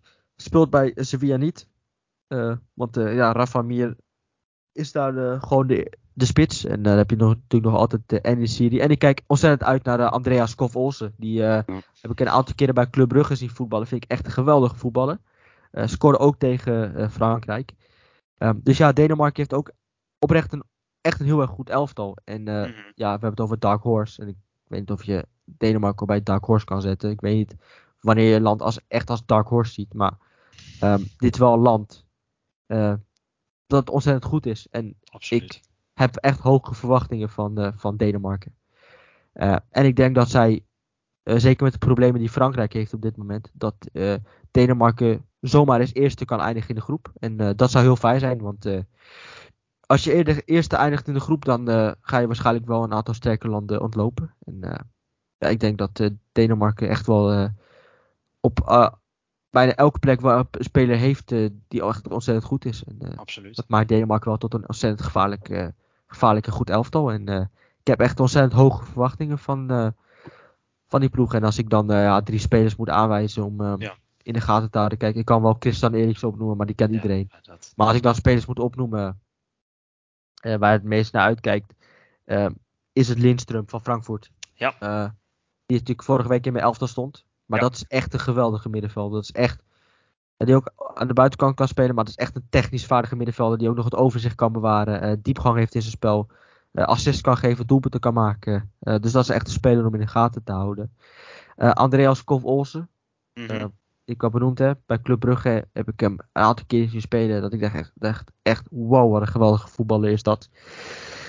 Um, en ik ben heel erg benieuwd naar, naar Hoylund van Atalanta, die ik een aantal ja. keren zag spelen bij Stormgras. Het doet me een beetje denken aan Haaland. Um, ja, dat, dat zijn wel drie spelers uh, waarvan ik denk, uh, hou die in de gaten. Schrijf ze op, noteer ze op een papiertje. Uh, want dat zijn, vind ik, drie spelers om toch in de gaten te houden. En ja, daarbuiten kan wel Eriksen noemen, maar Eriksen kent iedereen. Ja joh, nee, dat, dat is een open deur intrappen zou het zijn. Ja. Um, dan gaan we naar, ja, ik denk toch wel onze favoriet. Hè? Het is in ieder geval mijn favoriet. dat ga ik.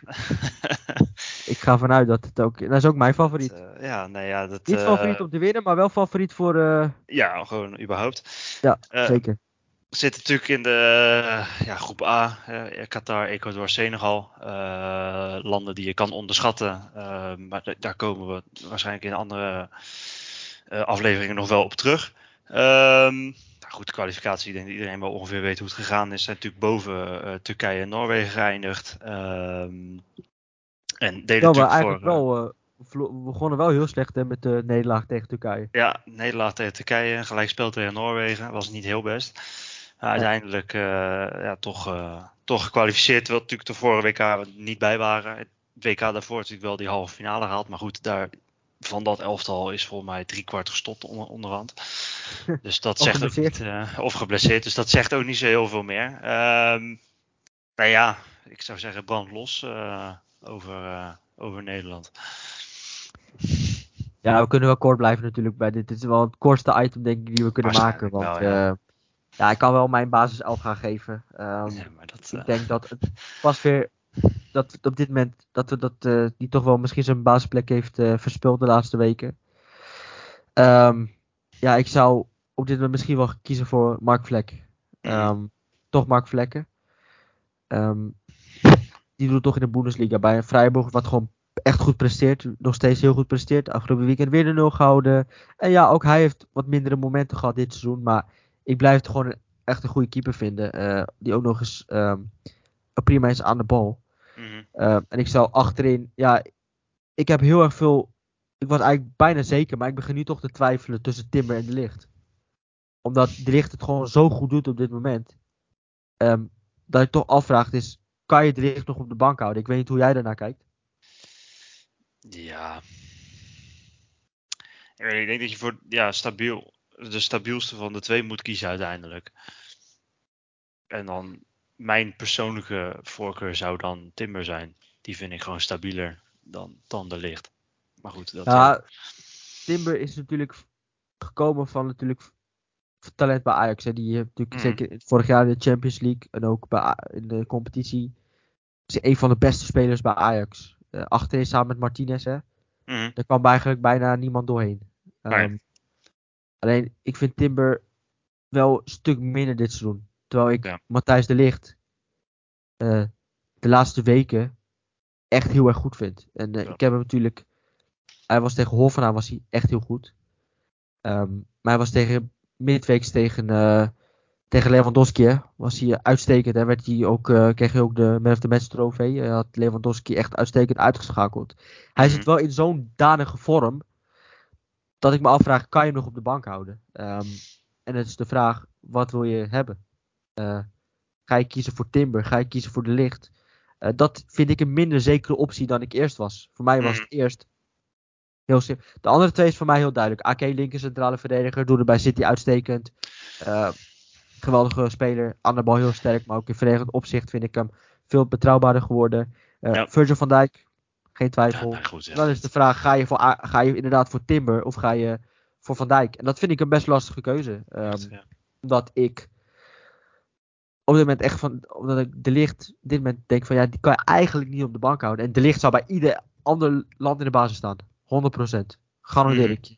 Alleen, de vraag is, gaat hij, dat, gaat, gaat hij inderdaad die basisplek krijgen uh, bij de Nederlandse elftal? Of gaat hij, maar ik verwacht dat Timber gewoon gaat spelen, omdat Timber het in het Nederlands elftal, geen, er is geen reden om Timber eruit te halen, omdat hij het Nederlands elftal altijd uitstekend doet. Mm -hmm. ook iemand die onder druk uitstekend is natuurlijk. Uh, iemand die technisch vaardig is. Iemand die ook in kan schuiven. Iemand die ook uh, ja, meer kan voetballen als het gaat om. Is hem ook heel vaak inschuiven op het middenveld lekker mee voetballen. Of soms zelfs dat hij zelfs helemaal door, doorgaat tot aan, tot aan de aanval. Dat natuurlijk bij Ajax ook heel vaak doet. dus ik, ik, zie niet de, ik zie niet in waarom Van Gaal hem zou gaan wisselen. Omdat mm. hij doet het gewoon uitstekend. Ook tegen België, die laatste twee oefen interlands, was hij echt uitstekend. Voor hem tegen Polen en tegen België misschien wel de beste man op het veld bij Nederland zelf, toch? Um, alleen, met de huidige vorm van de licht, um, ja, is het toch wel een lastigere keuze geworden. Mm. Omdat uh, hij, zich, hij klopt wel aan de deur. Um, ja. Maar voor de rest, uh, het middenveld voor mij, Frenkie de Jong is bij Barcelona in een krankzinnig goede vorm. Mm. Uh, Gelukkig maar dat hij nu ook. Ja. Uh, hij mocht natuurlijk bij Villarreal beginnen op zijn favoriete positie. En toen was hij echt geweldig. Uh, Was hij weer zichzelf, hè. Was degene die weer uh, medespelers bereikte. de kanten die hij bewaarde. Maar hij was ook degene die de meeste duels won op het veld. De meeste tackles had op het veld. Ja. Maar ook speler die ja, weer lekker begon te dribbelen. Zich weer uit moeilijke situaties wist te dribbelen. Um, ja, als hij daardoor ook meer, meer, situaties kon creëren. Dus eigenlijk sindsdien uh, is hij gewoon weer basisspeler. En Busquets speelt, maar hij, hij, moet ook altijd spelen. Dus hij speelt nu ook altijd. En ik vind hem eigenlijk de laatste weken ook, als hij niet op zijn favoriete positie mag spelen, doet hij wel wat meer. Uh, is hij wel meer zichzelf. Is hij wel, mm -hmm. doet hij toch wel meer dingen die hij uh, eigenlijk ook doet op die zespositie. En ja, met deze huidige vorm. Kijk, hij was natuurlijk nooit een twijfelgeval. Maar met deze huidige vorm is het wel echt heel lekker. Ja. Het is wel echt heel lekker dat hij de, deze vorm zo vlak voor het WK te pakken heeft. Want uh, deze Frenkie de Jong gaat absoluut bepalend worden voor het Nederlands elftal. Als, deze, als we de Frenkie de Jong zullen zien op wat hij nu de laatste weken laat zien. Mm. Dat, is, dat is echt een wereld van verschil gaat het zijn voor het Nederlands elftal. Uh, en daarnaast uh, Koopmeiners. Ik zie ja. Koopmeiners gewoon als, als basisspeler naast, daarnaast. En dan is de vraag op nummer 10. Ga je voor Gakpo of voor Berghuis? Um, en dat vind ik een lastige optie. Uh, maar ik vind Berghuis ook altijd goed bij Nederlands aftal op 10. Um, dus ja, voor mij is het toch Berghuis. En dan zie ik eigenlijk Bergwijn. Uh, Bergwijn. En ja, de vraag is Memphis. Is hij fit? Gaat hij spelen? Gaat hij mee? Want uh, het is toch lastig. Want hij is, is natuurlijk geblesseerd geraakt. Maar hij heeft sindsdien eigenlijk geen minuut meer gemaakt. Nee. dat is wel zorgelijk eigenlijk. Memphis is wel zorgelijk op dit moment. Um, dus ja, dat, dat is de vraag. En misschien, uh, dat hij dan, misschien, misschien dat hij dan wel kiest voor Gakpo en, uh, en, en, en Bergwijn. Misschien is dat de, de, de, de, oplossing voor als, uh, als Memphis niet fit is. Dat hij mm. inderdaad misschien wel gaat voor Gakpo en Bergwijn. Ja. Um, of voor Brobby en Bergwijn. Dat kan misschien heb je met, ja. met Brobby toch wat meer, meer Memphis type. Toch wat meer ook een body en kracht dat hij heeft. zijn lichaam goed kan gebruiken. Um, al is Berg probeert natuurlijk wel meer echt een diepe spits. Ja, nee, is dat niet. Ik denk ook wel dat als, als Depay fit is. Ja, als, gewoon, als speelt, Depay speelt hij ook gewoon. 100% basis spelen. Alleen als ja. hij niet fit is, dan moet je toch gaan kijken naar uh, misschien Gakpo. Ja. Uh, op die plek. Ja, want je Gakpo kan je eigenlijk ook niet negeren. Maar ja, Gakpo is misschien niet helemaal nummer 10. Uh, eh, terwijl Berghuis op nummer 10 bij Nederlands Auto eigenlijk altijd heel erg goed speelt. Mm -hmm. dus inderdaad uh, keuzes maken. Maar uh, ja. ik denk uh, waar ik het meest naar uitkijk, dat is bij elk land gewoon drie namen. Ja. Frimpong. ja, Ja, ik, eh, ja. ga toch, eh, ik ga toch weer zeggen, Frimpong. Ga Terwijl ik toch dat denk dat hij ba- terwijl ik toch denk dat hij geen basisspeler gaat worden. Ben ik wel echt ontzettend benieuwd naar hem. Ja. Eh, want ik verwacht wel dat hij gewoon minuten gaat maken. Eh Xavi Simons, Mhm, moeten we het toch over hebben. Ehm, die gaat mee naar het WK. Tuurlijk. Die gaat mee naar het WK. Geen twijfel over mogelijk. Die gaat gewoon mee. Ja. en ook die gaat eh, aan zijn minuten komen. Mhm, En kan nog wel eens belangrijk gaan worden. En eh, de laatste speler is eh, Brian Brobby. Ja. We hebben natuurlijk ook eh, tegen Van Dijk gezien, tegen Liverpool, dat hij ontzettend goed is. Ontzettend fysiek sterke spits. Voor iedere verdediger is echt ontzettend lastig. En ik ben ook heel erg benieuwd, ja, überhaupt of hij meegaat, want dat is überhaupt nog de vraag. Maar als Ja. hij meegaat, wat ik wel verwacht, eh, eh, ja, ben ik echt benieuwd, hoe- erg benieuwd hoe hij zich eh, staande gaat houden daar. En, absoluut. Dus ja, schrijf ze op inderdaad. En natuurlijk sowieso Frimpong. Hè. Maar goed, dat, dat was al duidelijk als je ook naar het team van de week luistert. Ja, ja wij daar, Frimpong kunnen we eigenlijk niet niet noemen. Dat wij daar. Eh, zetten we wel- onszelf voor schut. We hebben het zo wel- vaak over Frimpong dat- gehad en dan staat hij niet als lost to watch. Het is wel duidelijk dat wij daar fan van zijn. Zeker.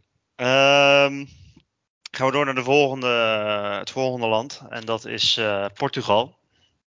Eh, Portugal zit in groep H, de laatste groep van, eh, van het hele toernooi.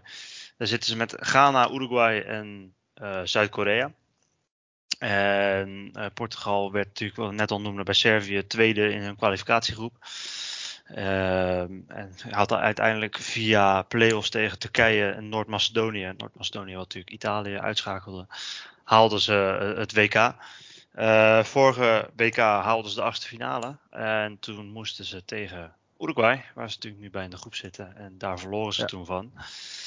Eh, dus dat wordt sowieso een interessante wedstrijd om in de gaten te houden. Maar ja, ik zou zeggen, ja, wat zijn jouw verwachtingen van Portugal? Ik heb dat elftal bekeken. En, Ja. dat is een partij elftal. Dat is echt niet normaal. Dat is echt niet normaal. Eh, ik heb alleen al gekeken naar de achterhoede. Hè. Dan heb je Ruben Diaz. Ja. Wat natuurlijk bij City ontzettend goede verdediger is. Die bij Benfica naar City is gegaan en uitgegroeid is tot eh, ja, een van de beste verdedigers van de wereld. Van de Premier League. Ehm, en dan heb je natuurlijk eh, daarnaast... ehm, dan heb je natuurlijk, kan je keuze maken. Je Pepe nog altijd, hè? Ja. Nog altijd aanvoerder van Porto. Ook genoeg goede wedstrijden spelen nog op zijn oude dag. Eh, maar de laatste wedstrijd speelde daar Danilo Pereira. Die daar ook eh, bij Paris Saint-Germain speelt. Ehm, vind ik als centrale verdediger vrij wisselvallig. Ehm, Mm, maar ik heb hem ook best wel goede wedstrijden zien spelen daar. Eh, dat wel echt een speler is die fysiek sterk is. ehm duels kan winnen daar centraal achterin. Dus dat is wel een speler die, eh, die daar achterin waar toch wel benieuwd naar ben hoe hij zich op dat WK staande gaat houden als hij op die positie gaat spelen. Ja, natuurlijk João Cancelo.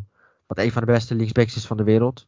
mm, Ehm, die natuurlijk ook aan de rechterkant kan spelen, maar ja, dat ook, ook aan de linkerkant. Je hebt bijvoorbeeld ook eh, Nino Mendes, die mm, bij Paris Saint-Germain, jonge jongen die bij Paris Saint-Germain nu als linker wingback eh, ja, toch doet wat hij het beste kan doen, hè, aanvallen. Dat is toch wel zijn beste kwaliteit.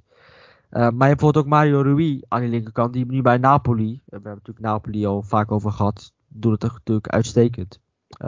Maar nu bij Napoli maakt hij echt een uitstekende indruk. Eh, zowel verdedigend opzicht, maar ook als aanvallend opzicht eh, heeft hij toch best wel een aantal assists gegeven dit seizoen. Eh, en is zijn traptechniek is ja, ontzettend gevaarlijk. En ehm, dat is ook wel een speler waarvan ik zou denken, ach wel een serieuze optie voor, voor centraal, voor, eh, voor de linksback-positie. En Mhm. dat plekje waar ik toch misschien wel het meest van gechoqueerd ben toen ik, toen ik zat te kijken, is het middenveld. Want dat middenveld is echt niet normaal. Eh, de laatste wedstrijd tegen Spanje begonnen ze met Ruben Neves. Hè? Die, eh. Dat vind ik echt een geweldig voetballer. Dat is, eh, ik vind hem qua controle op het middenveld vind ik hem heel sterk. Want speler die ballen kan veroveren. Maar ik vind hem aan de bal zo verschrikkelijk sterk. Zijn passing is zo goed. Zijn intelligentie, zijn inzicht. Eh is echt alles kunnen bij, eh, bij Wolves. Eigenlijk al jarenlang Wolves, aanvoerder van Wolves. Ehm, is eigenlijk een speler die eigenlijk veel hoger op kan. En hij wordt ook bij heel veel clubs genoemd. Eh, is echt een speler waar ik echt enorm naar uitkijk naar, naar komend toernooi. mhm. Maar je hebt ook William Carvalho. Is ook in het elftal geweest. Speelde naast Ruben Neves. Uh, nou, William Carvalho is fysiek ijzersterk. Maar ook technisch ontzettend vaardig. Goed aan de bal. loopvermogen. Hij is toch meer een beetje een box-to-box middenvelder geworden. ja, ook een beetje een alleskunner. Ehm, dus dat is ook een speler waar ik erg naar uitkijk. Ja, en dan heb ik namen genoteerd als Renato Sanchez, Vitinha, uh, João Paulinho. Mhm. Die natuurlijk bij Fulham een uitstekende indruk achterlaat. wat dacht je van Bernardo Silva? Ja. Die natuurlijk aan de rechterkant speelt bij Portugal. Bruno Fernandes, Diogo Jota. En dan heb je natuurlijk ook nog Cristiano Ronaldo. Je hebt jouw Felix, je hebt Rafael Leao. Mm -hmm. dat, mm -hmm. Je hebt Rafael Leao. Uh, je hebt Gonzalo Guedes. Dus je hebt bij Portugal zo ontzettend veel goede spelers rondlopen. Dat is niet normaal. Mm -hmm. um, ja. Alleen, ja, bij Portugal is het toch, komen ze toch behalve op het EK, maar komen ze toch in die, in, de, in die kwartfinale of in die laatste 16. Dan op een gegeven moment gaan ze er toch uit. Ja. Um, dus ik ben ontzettend benieuwd naar Portugal. Want uh, ja, de groep zullen ze denk ik overleven. Mm -hmm.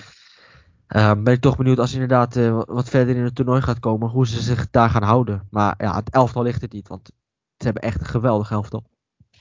Absoluut, absoluut. En, uh, ja, wat je zegt, het is altijd wel ontzettend moeizaam. En ben ik trouwens ook nog, uh, ben ik trouwens ook nog Diego Dalot vergeten, die oh, ja, nee, echt ja. een waanzinnige indruk achterlaat bij, bij Manchester United. Die ik ook in die ik ook in mijn elftal eerst had neergezet, maar toen moest ik wat switchen. Mm -hmm. um, maar um, ja, ze hebben wel, wel een speler. Diego Dalot, die natuurlijk ook bij, bij Portugal in de laatste wedstrijd tegen Tsjechië ook indruk maakte. Die op verdedigend gebied sterker wordt, maar in aanvallend opzicht ook uh, steeds stabieler en steeds beter en beter begint te worden. Dus je hebt zeker ook op de backposities veel opties. Maar ook op het middenveld heb je echt ontzettend veel opties. En in de aanval heb je opties. Dus ja, Portugal heeft wel een elftal waar je echt veel keuzes kan maken. En mm. Dat maakt Portugal wel tot een ontzettend sterk. Ze hebben echt een ontzettend sterk team. En ik ben echt heel erg benieuwd naar Portugal. Uh, misschien wel leuk om te vertellen, ik ben ook wel een klein beetje voor Portugal uh, buiten Nederland. Uh, Nederland is natuurlijk wel het land waar ik het de meeste. Nou, dat is mijn land natuurlijk. Mm -hmm. Het land van mij, van jou, van iedereen waarschijnlijk die deze podcast luistert. Ja. Um, alleen ja, ik ben in 2016 ben ik op vakantie geweest naar Portugal. Mm -hmm. En ik heb toen dat EK 2016 heb ik bijna alle groepswedstrijden, of bijna alle knockout wedstrijden heb ik daar gezien, behalve de finale. En uiteindelijk won Portugal dat toernooi. Uh, maar ik zat dus met allemaal Portugezen die wedstrijden te kijken. Echt ontzettend enthousiaste mensen en ontzettend leuke sfeer. Uh, dus sindsdien ben ik, uh, heb ik wel wat, wat met Portugal. Dus ja, vandaar. Ja, inderdaad. En, ja, ik vind Portugal altijd ontzettend moeizaam. Maar ze komen altijd best wel een eindje in zo'n toernooi inderdaad. Dus het is, ja, het is, het is een ontzettend interessant, interessant land. Want ze hebben een ja. ontzettend interessant elftal. Dus vandaar ja, toen ik dit lijstje zat te maken, dacht ik bij mezelf, poeh, dat is wel een, echt een bizar elftal. En, Absoluut. Uh, er, lopen, er zullen echt, ik heb bijvoorbeeld ook João Matteo niet genoemd, maar het is ook weer echt een geweldige middenveld bij. Dus uh, ja, je, je, moet keuzes gaan maken, want er zullen echt genoeg goede spelers op de, gaan banken. De, de, je kan eigenlijk bijna wel twee elftallen maken, bij, met goede, twee, drie goede Portugese elftallen maken. Dus daar ben absoluut. ik wel, wel, wel een beetje geschrokken van hoe goed dat is. Absoluut, absoluut. Um, dan gaan we door naar uh, het buurland. Dat is Spanje. Die doet terug gewoon meedoen. Spanje zit in groep E, dus bij Duitsland, Japan, Costa Rica. Ehm, we hebben op het vorige EK eigenlijk ja, teleurstellend WK gehad. werden toen uitgeschakeld door, door Rusland in de achtste finale op penalties. Um, we hebben natuurlijk ook heel veel jonge talenten die er nu bij zitten. Die natuurlijk vier jaar geleden nog niet bij waren. Um, en hebben, even in de kwalificatie zijn ze uiteindelijk uh, eerste geworden in een groep met Zweden, Griekenland, ja, Georgië, Kosovo zaten daar ook nog bij. Dus dat ging eigenlijk ook vrij gemakkelijk voor, voor Spanje. En nou ja, goed, mag jij gaan vertellen wat de verwachting is? Ja, dit is het land waar ik de meeste namen opgeschreven. Ja. nou, ik, heb ik ben geschrokken van Portugal, maar ik ben nog meer geschrokken van Spanje. Ja. Want daar lopen echt een partij spelers rond. Ik heb die uh, lijst van, uh, van die 55 namen gekeken die je kon inleveren. Uh, mm -hmm. Ja, als we het hebben over keuzes maken bij Portugal, dan uh, mag Henrique ook keuzes gaan maken. Want je begint natuurlijk achter heb je Pau Torres. Um, die maakte wel, vind ik in verdedigend wel wat zwakker. Ik vind de verdediging Mhm. niet heel sterk. Maar ik vind hem vooral aan de bal is hij een van de beste verdedigers van de wereld. Kan echt heel goed voetballen. Eh, en dan is maar de vraag, ja, wie, ga je er, wie ga je ernaast zetten? Ehm, wie er bijvoorbeeld nu Ja. best wel vaak naast speelt, eh, is eh, Hugo Guillamon. Ehm, Mhm. Is een beetje, speelt bij Valencia eigenlijk als nummer 6. vind ik eigenlijk beter op het middenveld dan centraal achterin. Eh, maar dat is bijvoorbeeld een, een optie, hè, want die speelt eh, bijvoorbeeld eh, best wel vaak eh, eh, dan eh, naast, eh, daarnaast. Eh, maar je hebt Mhm. bijvoorbeeld ook Inigo Martinez die op die plek eh, best wel vaak eh, kan spelen. Maar je hebt ook Diogo Lorente van, eh, van eh, Leeds United die daar best wel eh, die daar ook kan spelen. Dus het is inderdaad maar een beetje kijken eh, hoe dat gaat. Eh, maar Hugo Guillamon is verder ook ontzettend goed aan de bal. Eh is echt een goede voetballende speler die op het middenveld kan spelen, maar ook centraal achterin. Eh, je hebt José Luis Gaia, linksback. Ja. Een speler met ontzettend veel drive. Een geweldige voorzet in huis. ehm, maar hij is ook iemand die in verdedigend opzicht echt ontzettend veel agressiviteit toont. Echt vecht voor iedere meter. En ik vind hem ook de laatste weken, als ik hem zie spelen, vind ik hem altijd een van de uitblinkers. Ook tegen Barcelona vond ik hem echt uitstekend. Dani Carvajal, net zo'n speler die ook, ook ontzettend veel agressiviteit toont op het veld. Ontzettend veel meters maakt. En een speler die ontzettend veel, eh, ontzettend hard werkt altijd. Eh, ontzettend betrouwbare, solide eh, rechtsback eigenlijk al jaren. En dan kom je in het middenveld toch uit op keuzes, hè. Want Mhm. ja, je hebt Busquets nog altijd, maar je hebt bijvoorbeeld ook Rodri heb je. Eh, terwijl ik zou zeggen, ja, Rodri hoort eigenlijk altijd te spelen, want het is een van de, misschien wel de beste nummer 6 van de wereld. Eh, maar je hebt bijvoorbeeld ook Koke, je hebt Pedri, je hebt Gavi, eh, je hebt Michael Merino, je hebt Thiago eventueel als Spanje. Je, hebt- je, hebt- Soler. je hebt Soler, je hebt Sunset, eh, die natuurlijk ook in mijn elftal hebben gestaan. Mhm. Je, hebt, je hebt Dani Olmo, die ook als, als spits kan worden gebruikt. Ehm, je hebt Fabian Ruiz, die ook, ook zo'n middenveld. Dus je hebt ontzettend veel middenvelders.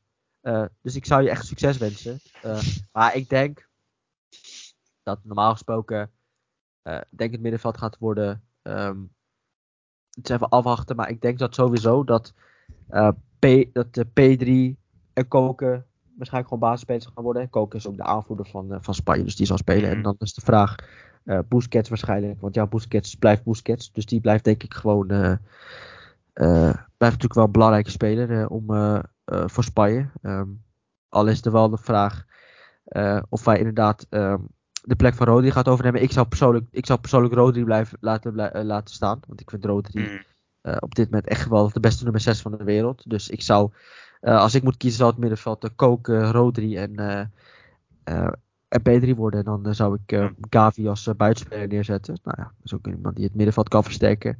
Dan heb je in de aanval heb je ontzettend veel opties. Je hebt natuurlijk Alvaro Morato, Morata, die natuurlijk altijd wel bij Spanje de eerste spits is. En ook bij Spanje wel best wel prima cijfers haalt. Maar je hebt bijvoorbeeld ook eh, Borja Iglesias, die het bij eh Betis uitstekend doet. Je hebt Iago Aspas, die het bij Celta altijd uitstekend doet. Eh, je hebt Ansu Fati aan de linkerkant. Je hebt Pablo Sarabia. Je hebt eh, Jeremy Pino van Villarreal, wat ook een hele leuke speler is. Eh, Nico Williams van Bilbao aan de rechterkant. Snelle, technisch vaardige speler die eh, ja, dit zo'n ook rendement heeft toegevoegd aan zijn spel. Dus ja, ik heb ontzettend veel. Je hebt natuurlijk Gerard Moreno hè, van Villarreal, wat altijd ook een ontzettend fijne en slimme voetballer is. Je hebt Bryce Mendes, die bij Sociedad echt een uitstekende indruk achterlaat. Dus ja, je hebt echt ontzettend veel keuzes. Ferran Torres, eh, die bij Spanje eigenlijk altijd wel prima doet en prima speelt. Dus eh, ja, bij Spanje echt ontzettend veel opties. Alleen ja, centraal achterin, eh, naast Pau Torres, ehm, is het toch afwachten wat het gaat worden. Dat is misschien nog wel het meeste twijfelgeval voor mij. Maar voor de rest, ja, denk ik dat Spanje ook wel een elftal is ja, waar ik ook hoge verwachtingen van heb. Het is Mhm. echt een ontzettend goed en sterk land. Die hebben natuurlijk ook laatst van Portugal gewonnen met 1-0. Klopt. Eh, dus Spanje is eh, voor mij echt een eh, land om, om weer in de gaten te houden. En omdat het gewoon echt een elftal is. ehm, met zo ontzettend veel geweldige namen en ontzettend veel talent lo- loopt daar rond. En ik heb echt hoge verwachtingen ook van Pedri, die afgelopen toernooi. Op het EK een van de beste jong. de- Hij was de beste jongste speler op dat toernooi. Mhm. Maar ik vond dat hij zelfs bij misschien wel de beste speler van het toernooi kon worden genoemd. Want hij was echt heel goed in dat toernooi. En eh, ik eh, kijk wel uit- naar uit naar, naar Spanje. Ik eh, Ja. vind dat wel echt een ontzettend leuk land. En eh, er lopen natuurlijk altijd ontzettend veel technische spelers rond. Dus dat is wel een land eh, waar ik echt naar uitkijk, eh, Absoluut. dit toernooi. Absoluut, eh, inderdaad. En het is, eh, denk ik wel de, de winnaar van die groep in ieder geval. En eh, ik denk dat we Ja, ja, Duitsland, Spanje gaat, Duitsland Spanje gaat boven Duitsland eindigen. Ja, dat denk ik wel. Zeker. Ja. Ehm, dan gaan we naar de laatste drie landen die we nog over hebben. En beginnen we met, eh, met Engeland. Nou, Engeland zit natuurlijk in die eh, groep waar Wales ook bij zit. Ehm, dus met Iran en Amerika. Ehm, nou, Engeland eh, heeft op het vorige WK natuurlijk de halve finale verloren uiteindelijk. Nadat ze wel Ja. voorkwamen via Trippier met die vrije trap. Ja. Verloren ze hem uiteindelijk toch van Kroatië. Nou, verloren ze ook nog die verliezersfinale. Maar goed, dat interesseert natuurlijk eigenlijk helemaal niemand. Nou, hebben zich eigenlijk heel makkelijk geplaatst voor het WK. Zaten met Polen, Albanië, Hongarije. Dus eh, ja, dat was eigenlijk een vrij eh, simpele eh, kwalificatie voor ze. Ehm, ja, wat ik weet ja, gewoon niet heel goed wat ik hier nou van moet verwachten. Ja, ja het- ik heb wel precies hetzelfde. Omdat ik ben niet fan van Southgate. Omdat Nee, eh, Southgate laat Engeland niet goed voetballen. Het is een beetje een, een, een, coach dat eh, ja, niet echt voetbal speelt met Engeland. Ehm, ik, vind, ik vind Engeland niet zo leuk om naar te kijken eigenlijk. Ehm, Het is alleen dat bij Engeland echt wel genoeg leuke spelers rondloopt. Dat het nog wel individu- individueel nog best wel leuk maakt. mhm, Ehm, de vraag is voor mij is Harry Maguire, gaat hij spelen of niet? Ik acht die kans best wel groot dat hij gewoon in de basis staat. Ja. Maar je hebt bijvoorbeeld een middenvelder, of eh, je hebt een verdediger rondlopen, Louis Dunk. eh, Mhm. Die ook bij de 55 zit.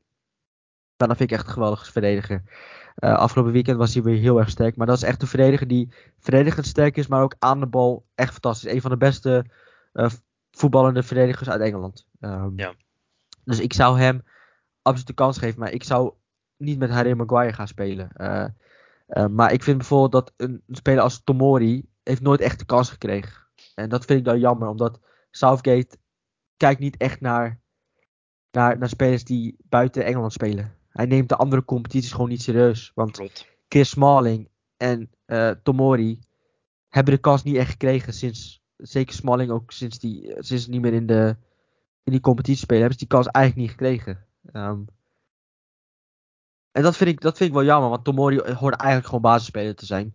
Ehm, maar ik hoop eigenlijk, maar ik verwacht dat Maguire gewoon basisspeler staat. En dan verwacht ik dat Erik Dyer gewoon de middelste centrale verdediger gaat zijn, want speelt hij ook bij Tottenham en ook hij heeft voetballend vermogen eh, van achteruit, dus een van zijn grote kwaliteiten.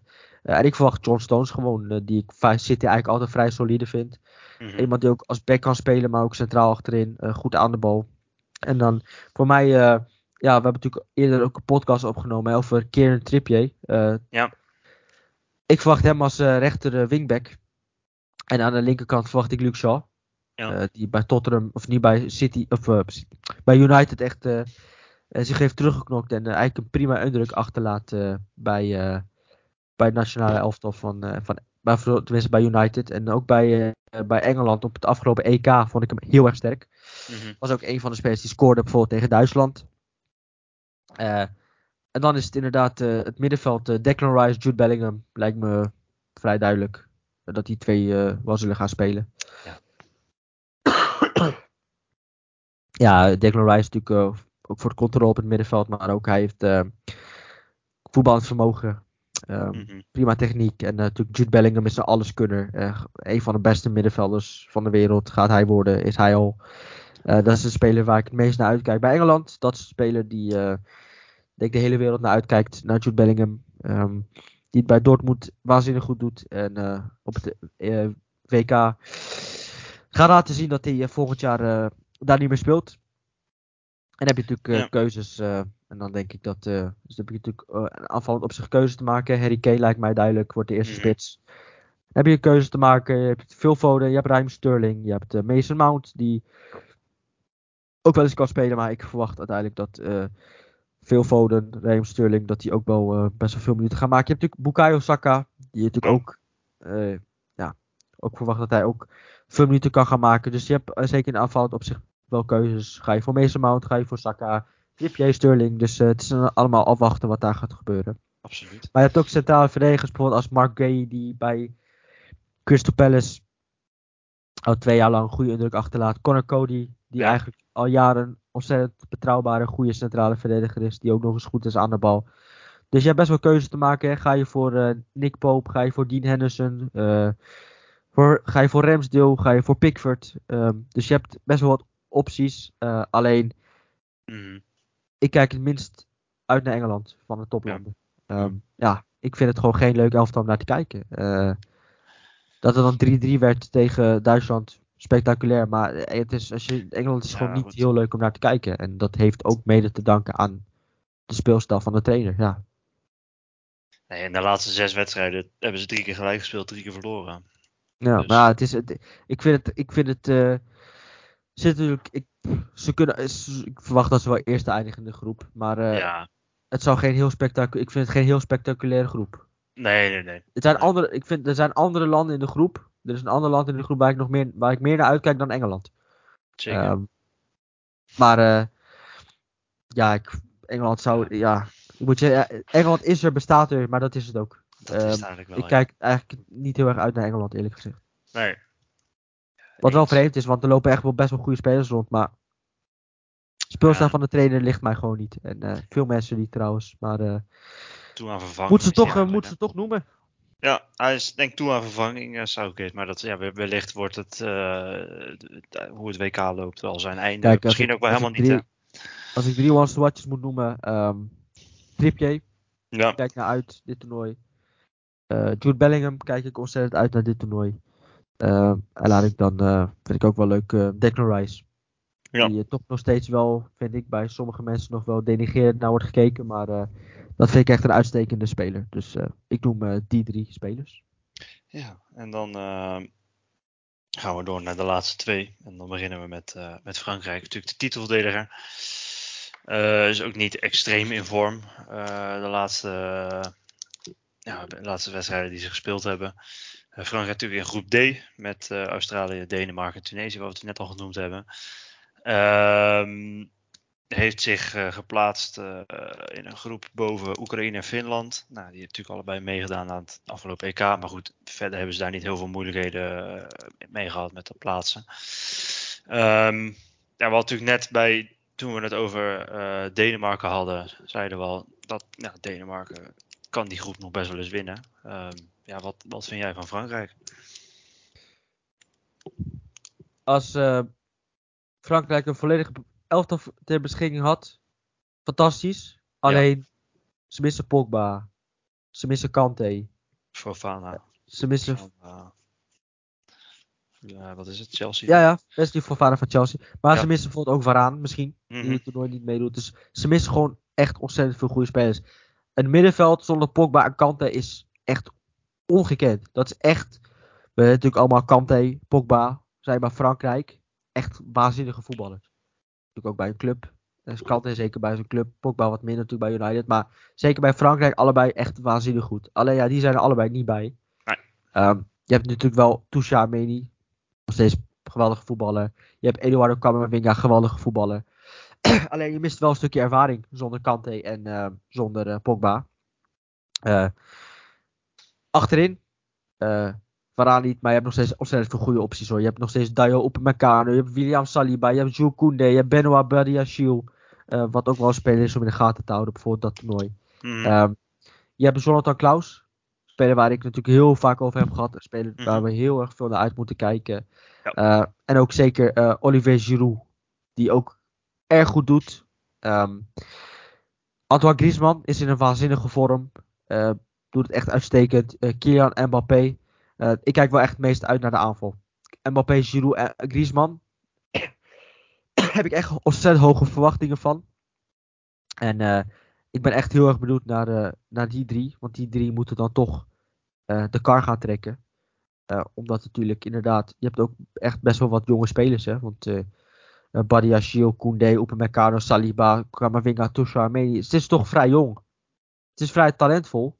Maar het is wel vrij jong. Mhm. Eh, je mist toch een beetje dat ervaring die er is. Eh, want ja, de, de, ervaren spelers eh, in het elftal ehm, is bijvoorbeeld Mbappé is een van de ervaren spelers.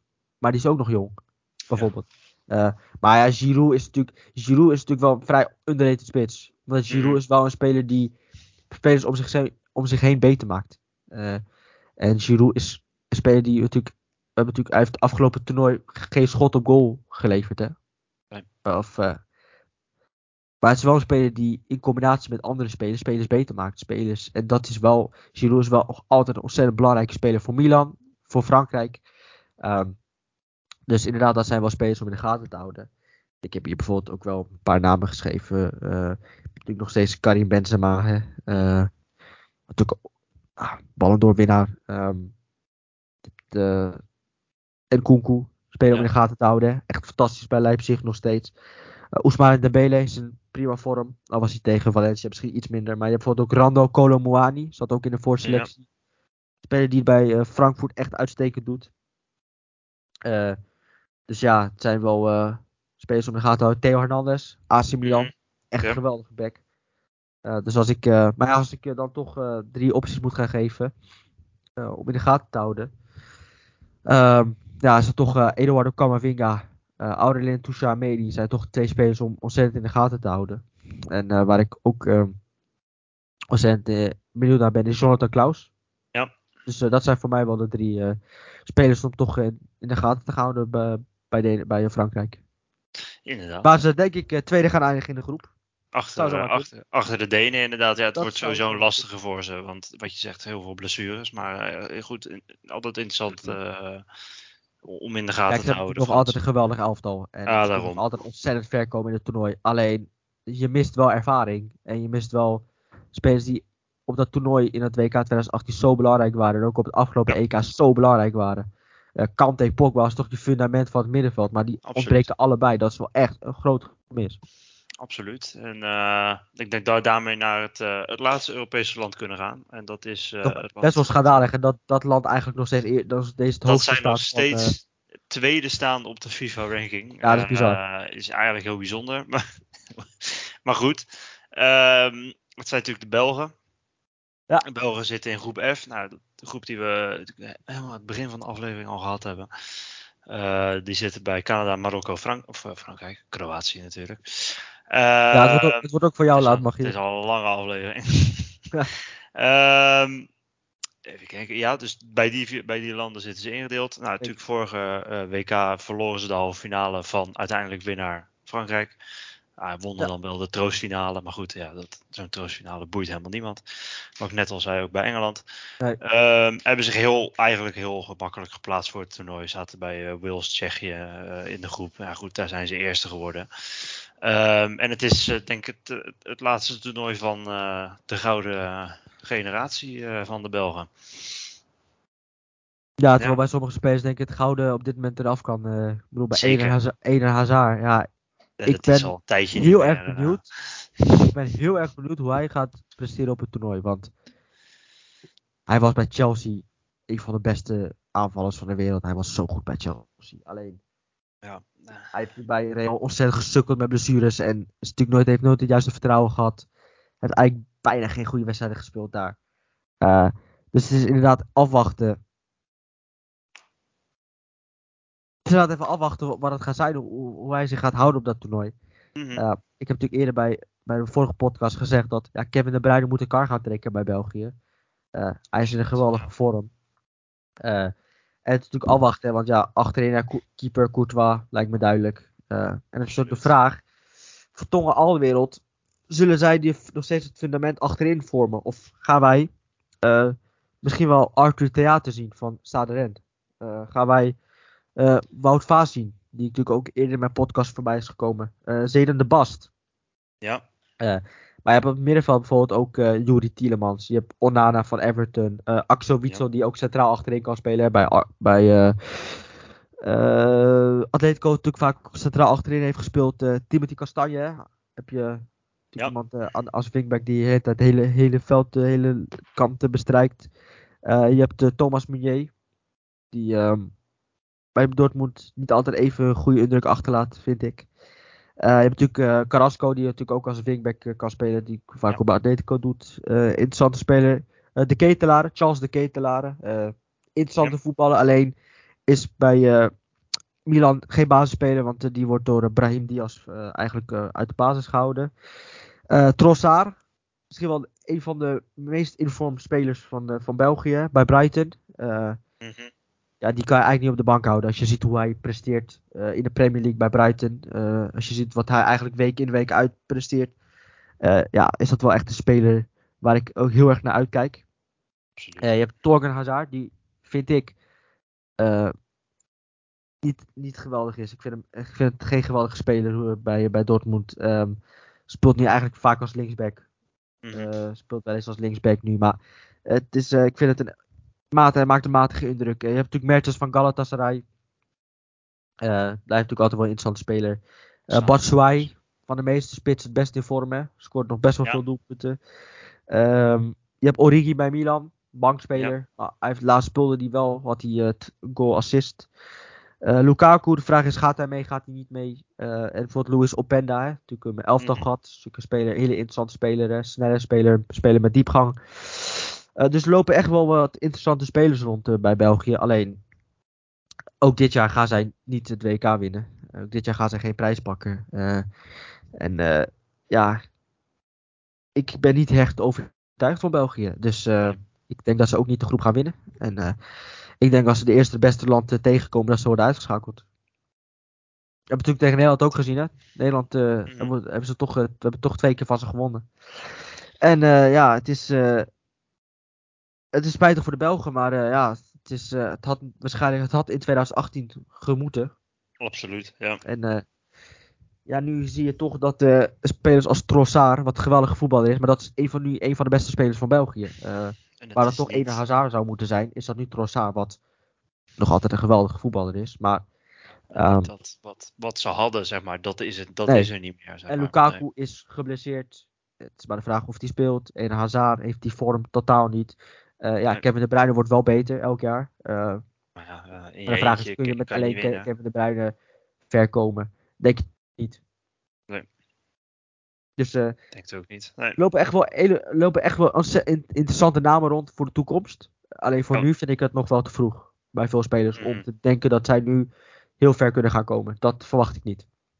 Nee. Maar voor in de toekomst heb je inderdaad de Bast, heb je Theater, heb je Vaas, je hebt je Onana, je hebt de, de Ketelaren. Ehm, dat zijn wel spelers voor de toekomst, bijvoorbeeld de Trossard. Mhm. En waar ik wel verwacht van Trossard dat hij, waar ik van hij wel minuten moet gaan maken, want doet het gewoon veel te goed nu bij Brighton. Eh, maar het is vooral voor de toekomst. En eh, ja, het huidige is, eh, is, vind ik niet helemaal in balans. En ook niet heel erg geweldig. Dus eh, ja, mijn verwachtingen voor België zijn niet hoog. Dus ik ben benieuwd. Absoluut. Ben ik, eh, ben ik ook inderdaad. Het is, eh, wat je zegt, het is niet, niet meer zo'n vast elftal als dat het was. Zeg maar. Ja, het is, België is nooit echt een vast, vast elftal. Ik vind, het elftal, maar- maar... ik vind het nooit echt een elftal geweest. En nu Nee. is het helemaal, nu is het helemaal het fundament is, is een beetje is verdwenen. eigenlijk weg. Eh, ja. Ja. Eh, het is of oud Mhm. of versleten. Ja. Ehm, en Kevin De Bruyne is fantastisch, maar met Kevin De Bruyne alleen wordt het vrij lastig. En je hebt nog steeds wel spelers als Carrasco en je hebt echt nog wel goede spelers. Eh met Origi, eh, als Lukaku straks misschien fit is. Maar ja, een Eden Hazard in vorm of niet, dat is een wereld van verschil voor België. En dat is wel een probleem. Nee, Dus bijvoorbeeld bij ons, als Frenkie de Jong niet fit is, of Frenkie de Jong als Memphis straks niet meedoet, is dat een ontzettend groot verschil. Absoluut. Ja, dat- die mis je heel erg. En dat heb je natuurlijk bij België met, met, ja, met Hazard Ja. natuurlijk heel, heel erg. Alleen, eh, ja, wat je zegt, ik denk dat het nog niet is waar ze moeten zijn om echt heel ver te kunnen komen of om iets te kunnen winnen. Eh, dus ja, ik, dit, ik, vrees voor, eh, zal het dit jaar ook niet worden, denk ik, voor de voor, Belgen. voor, voor de Belgen inderdaad dat de, de gouden generatie eh Kijk, de zonder, groep zullen ze gaan winnen. De groep, of de ja, groep in zullen ze gaan geval door. overleven. ja. Ja, niet dat- winnen. Kroatië denk ik dat de groep gaat winnen. Ze zullen wel doorgaan. Alleen dan is de vraag wie treffen ze in de volgende ronde. Ehm, als ze tweede eindigen, zullen ze waarschijnlijk nog een sterker land tegenkomen. De eerste in de, gelijk in de laatste in de eh 16.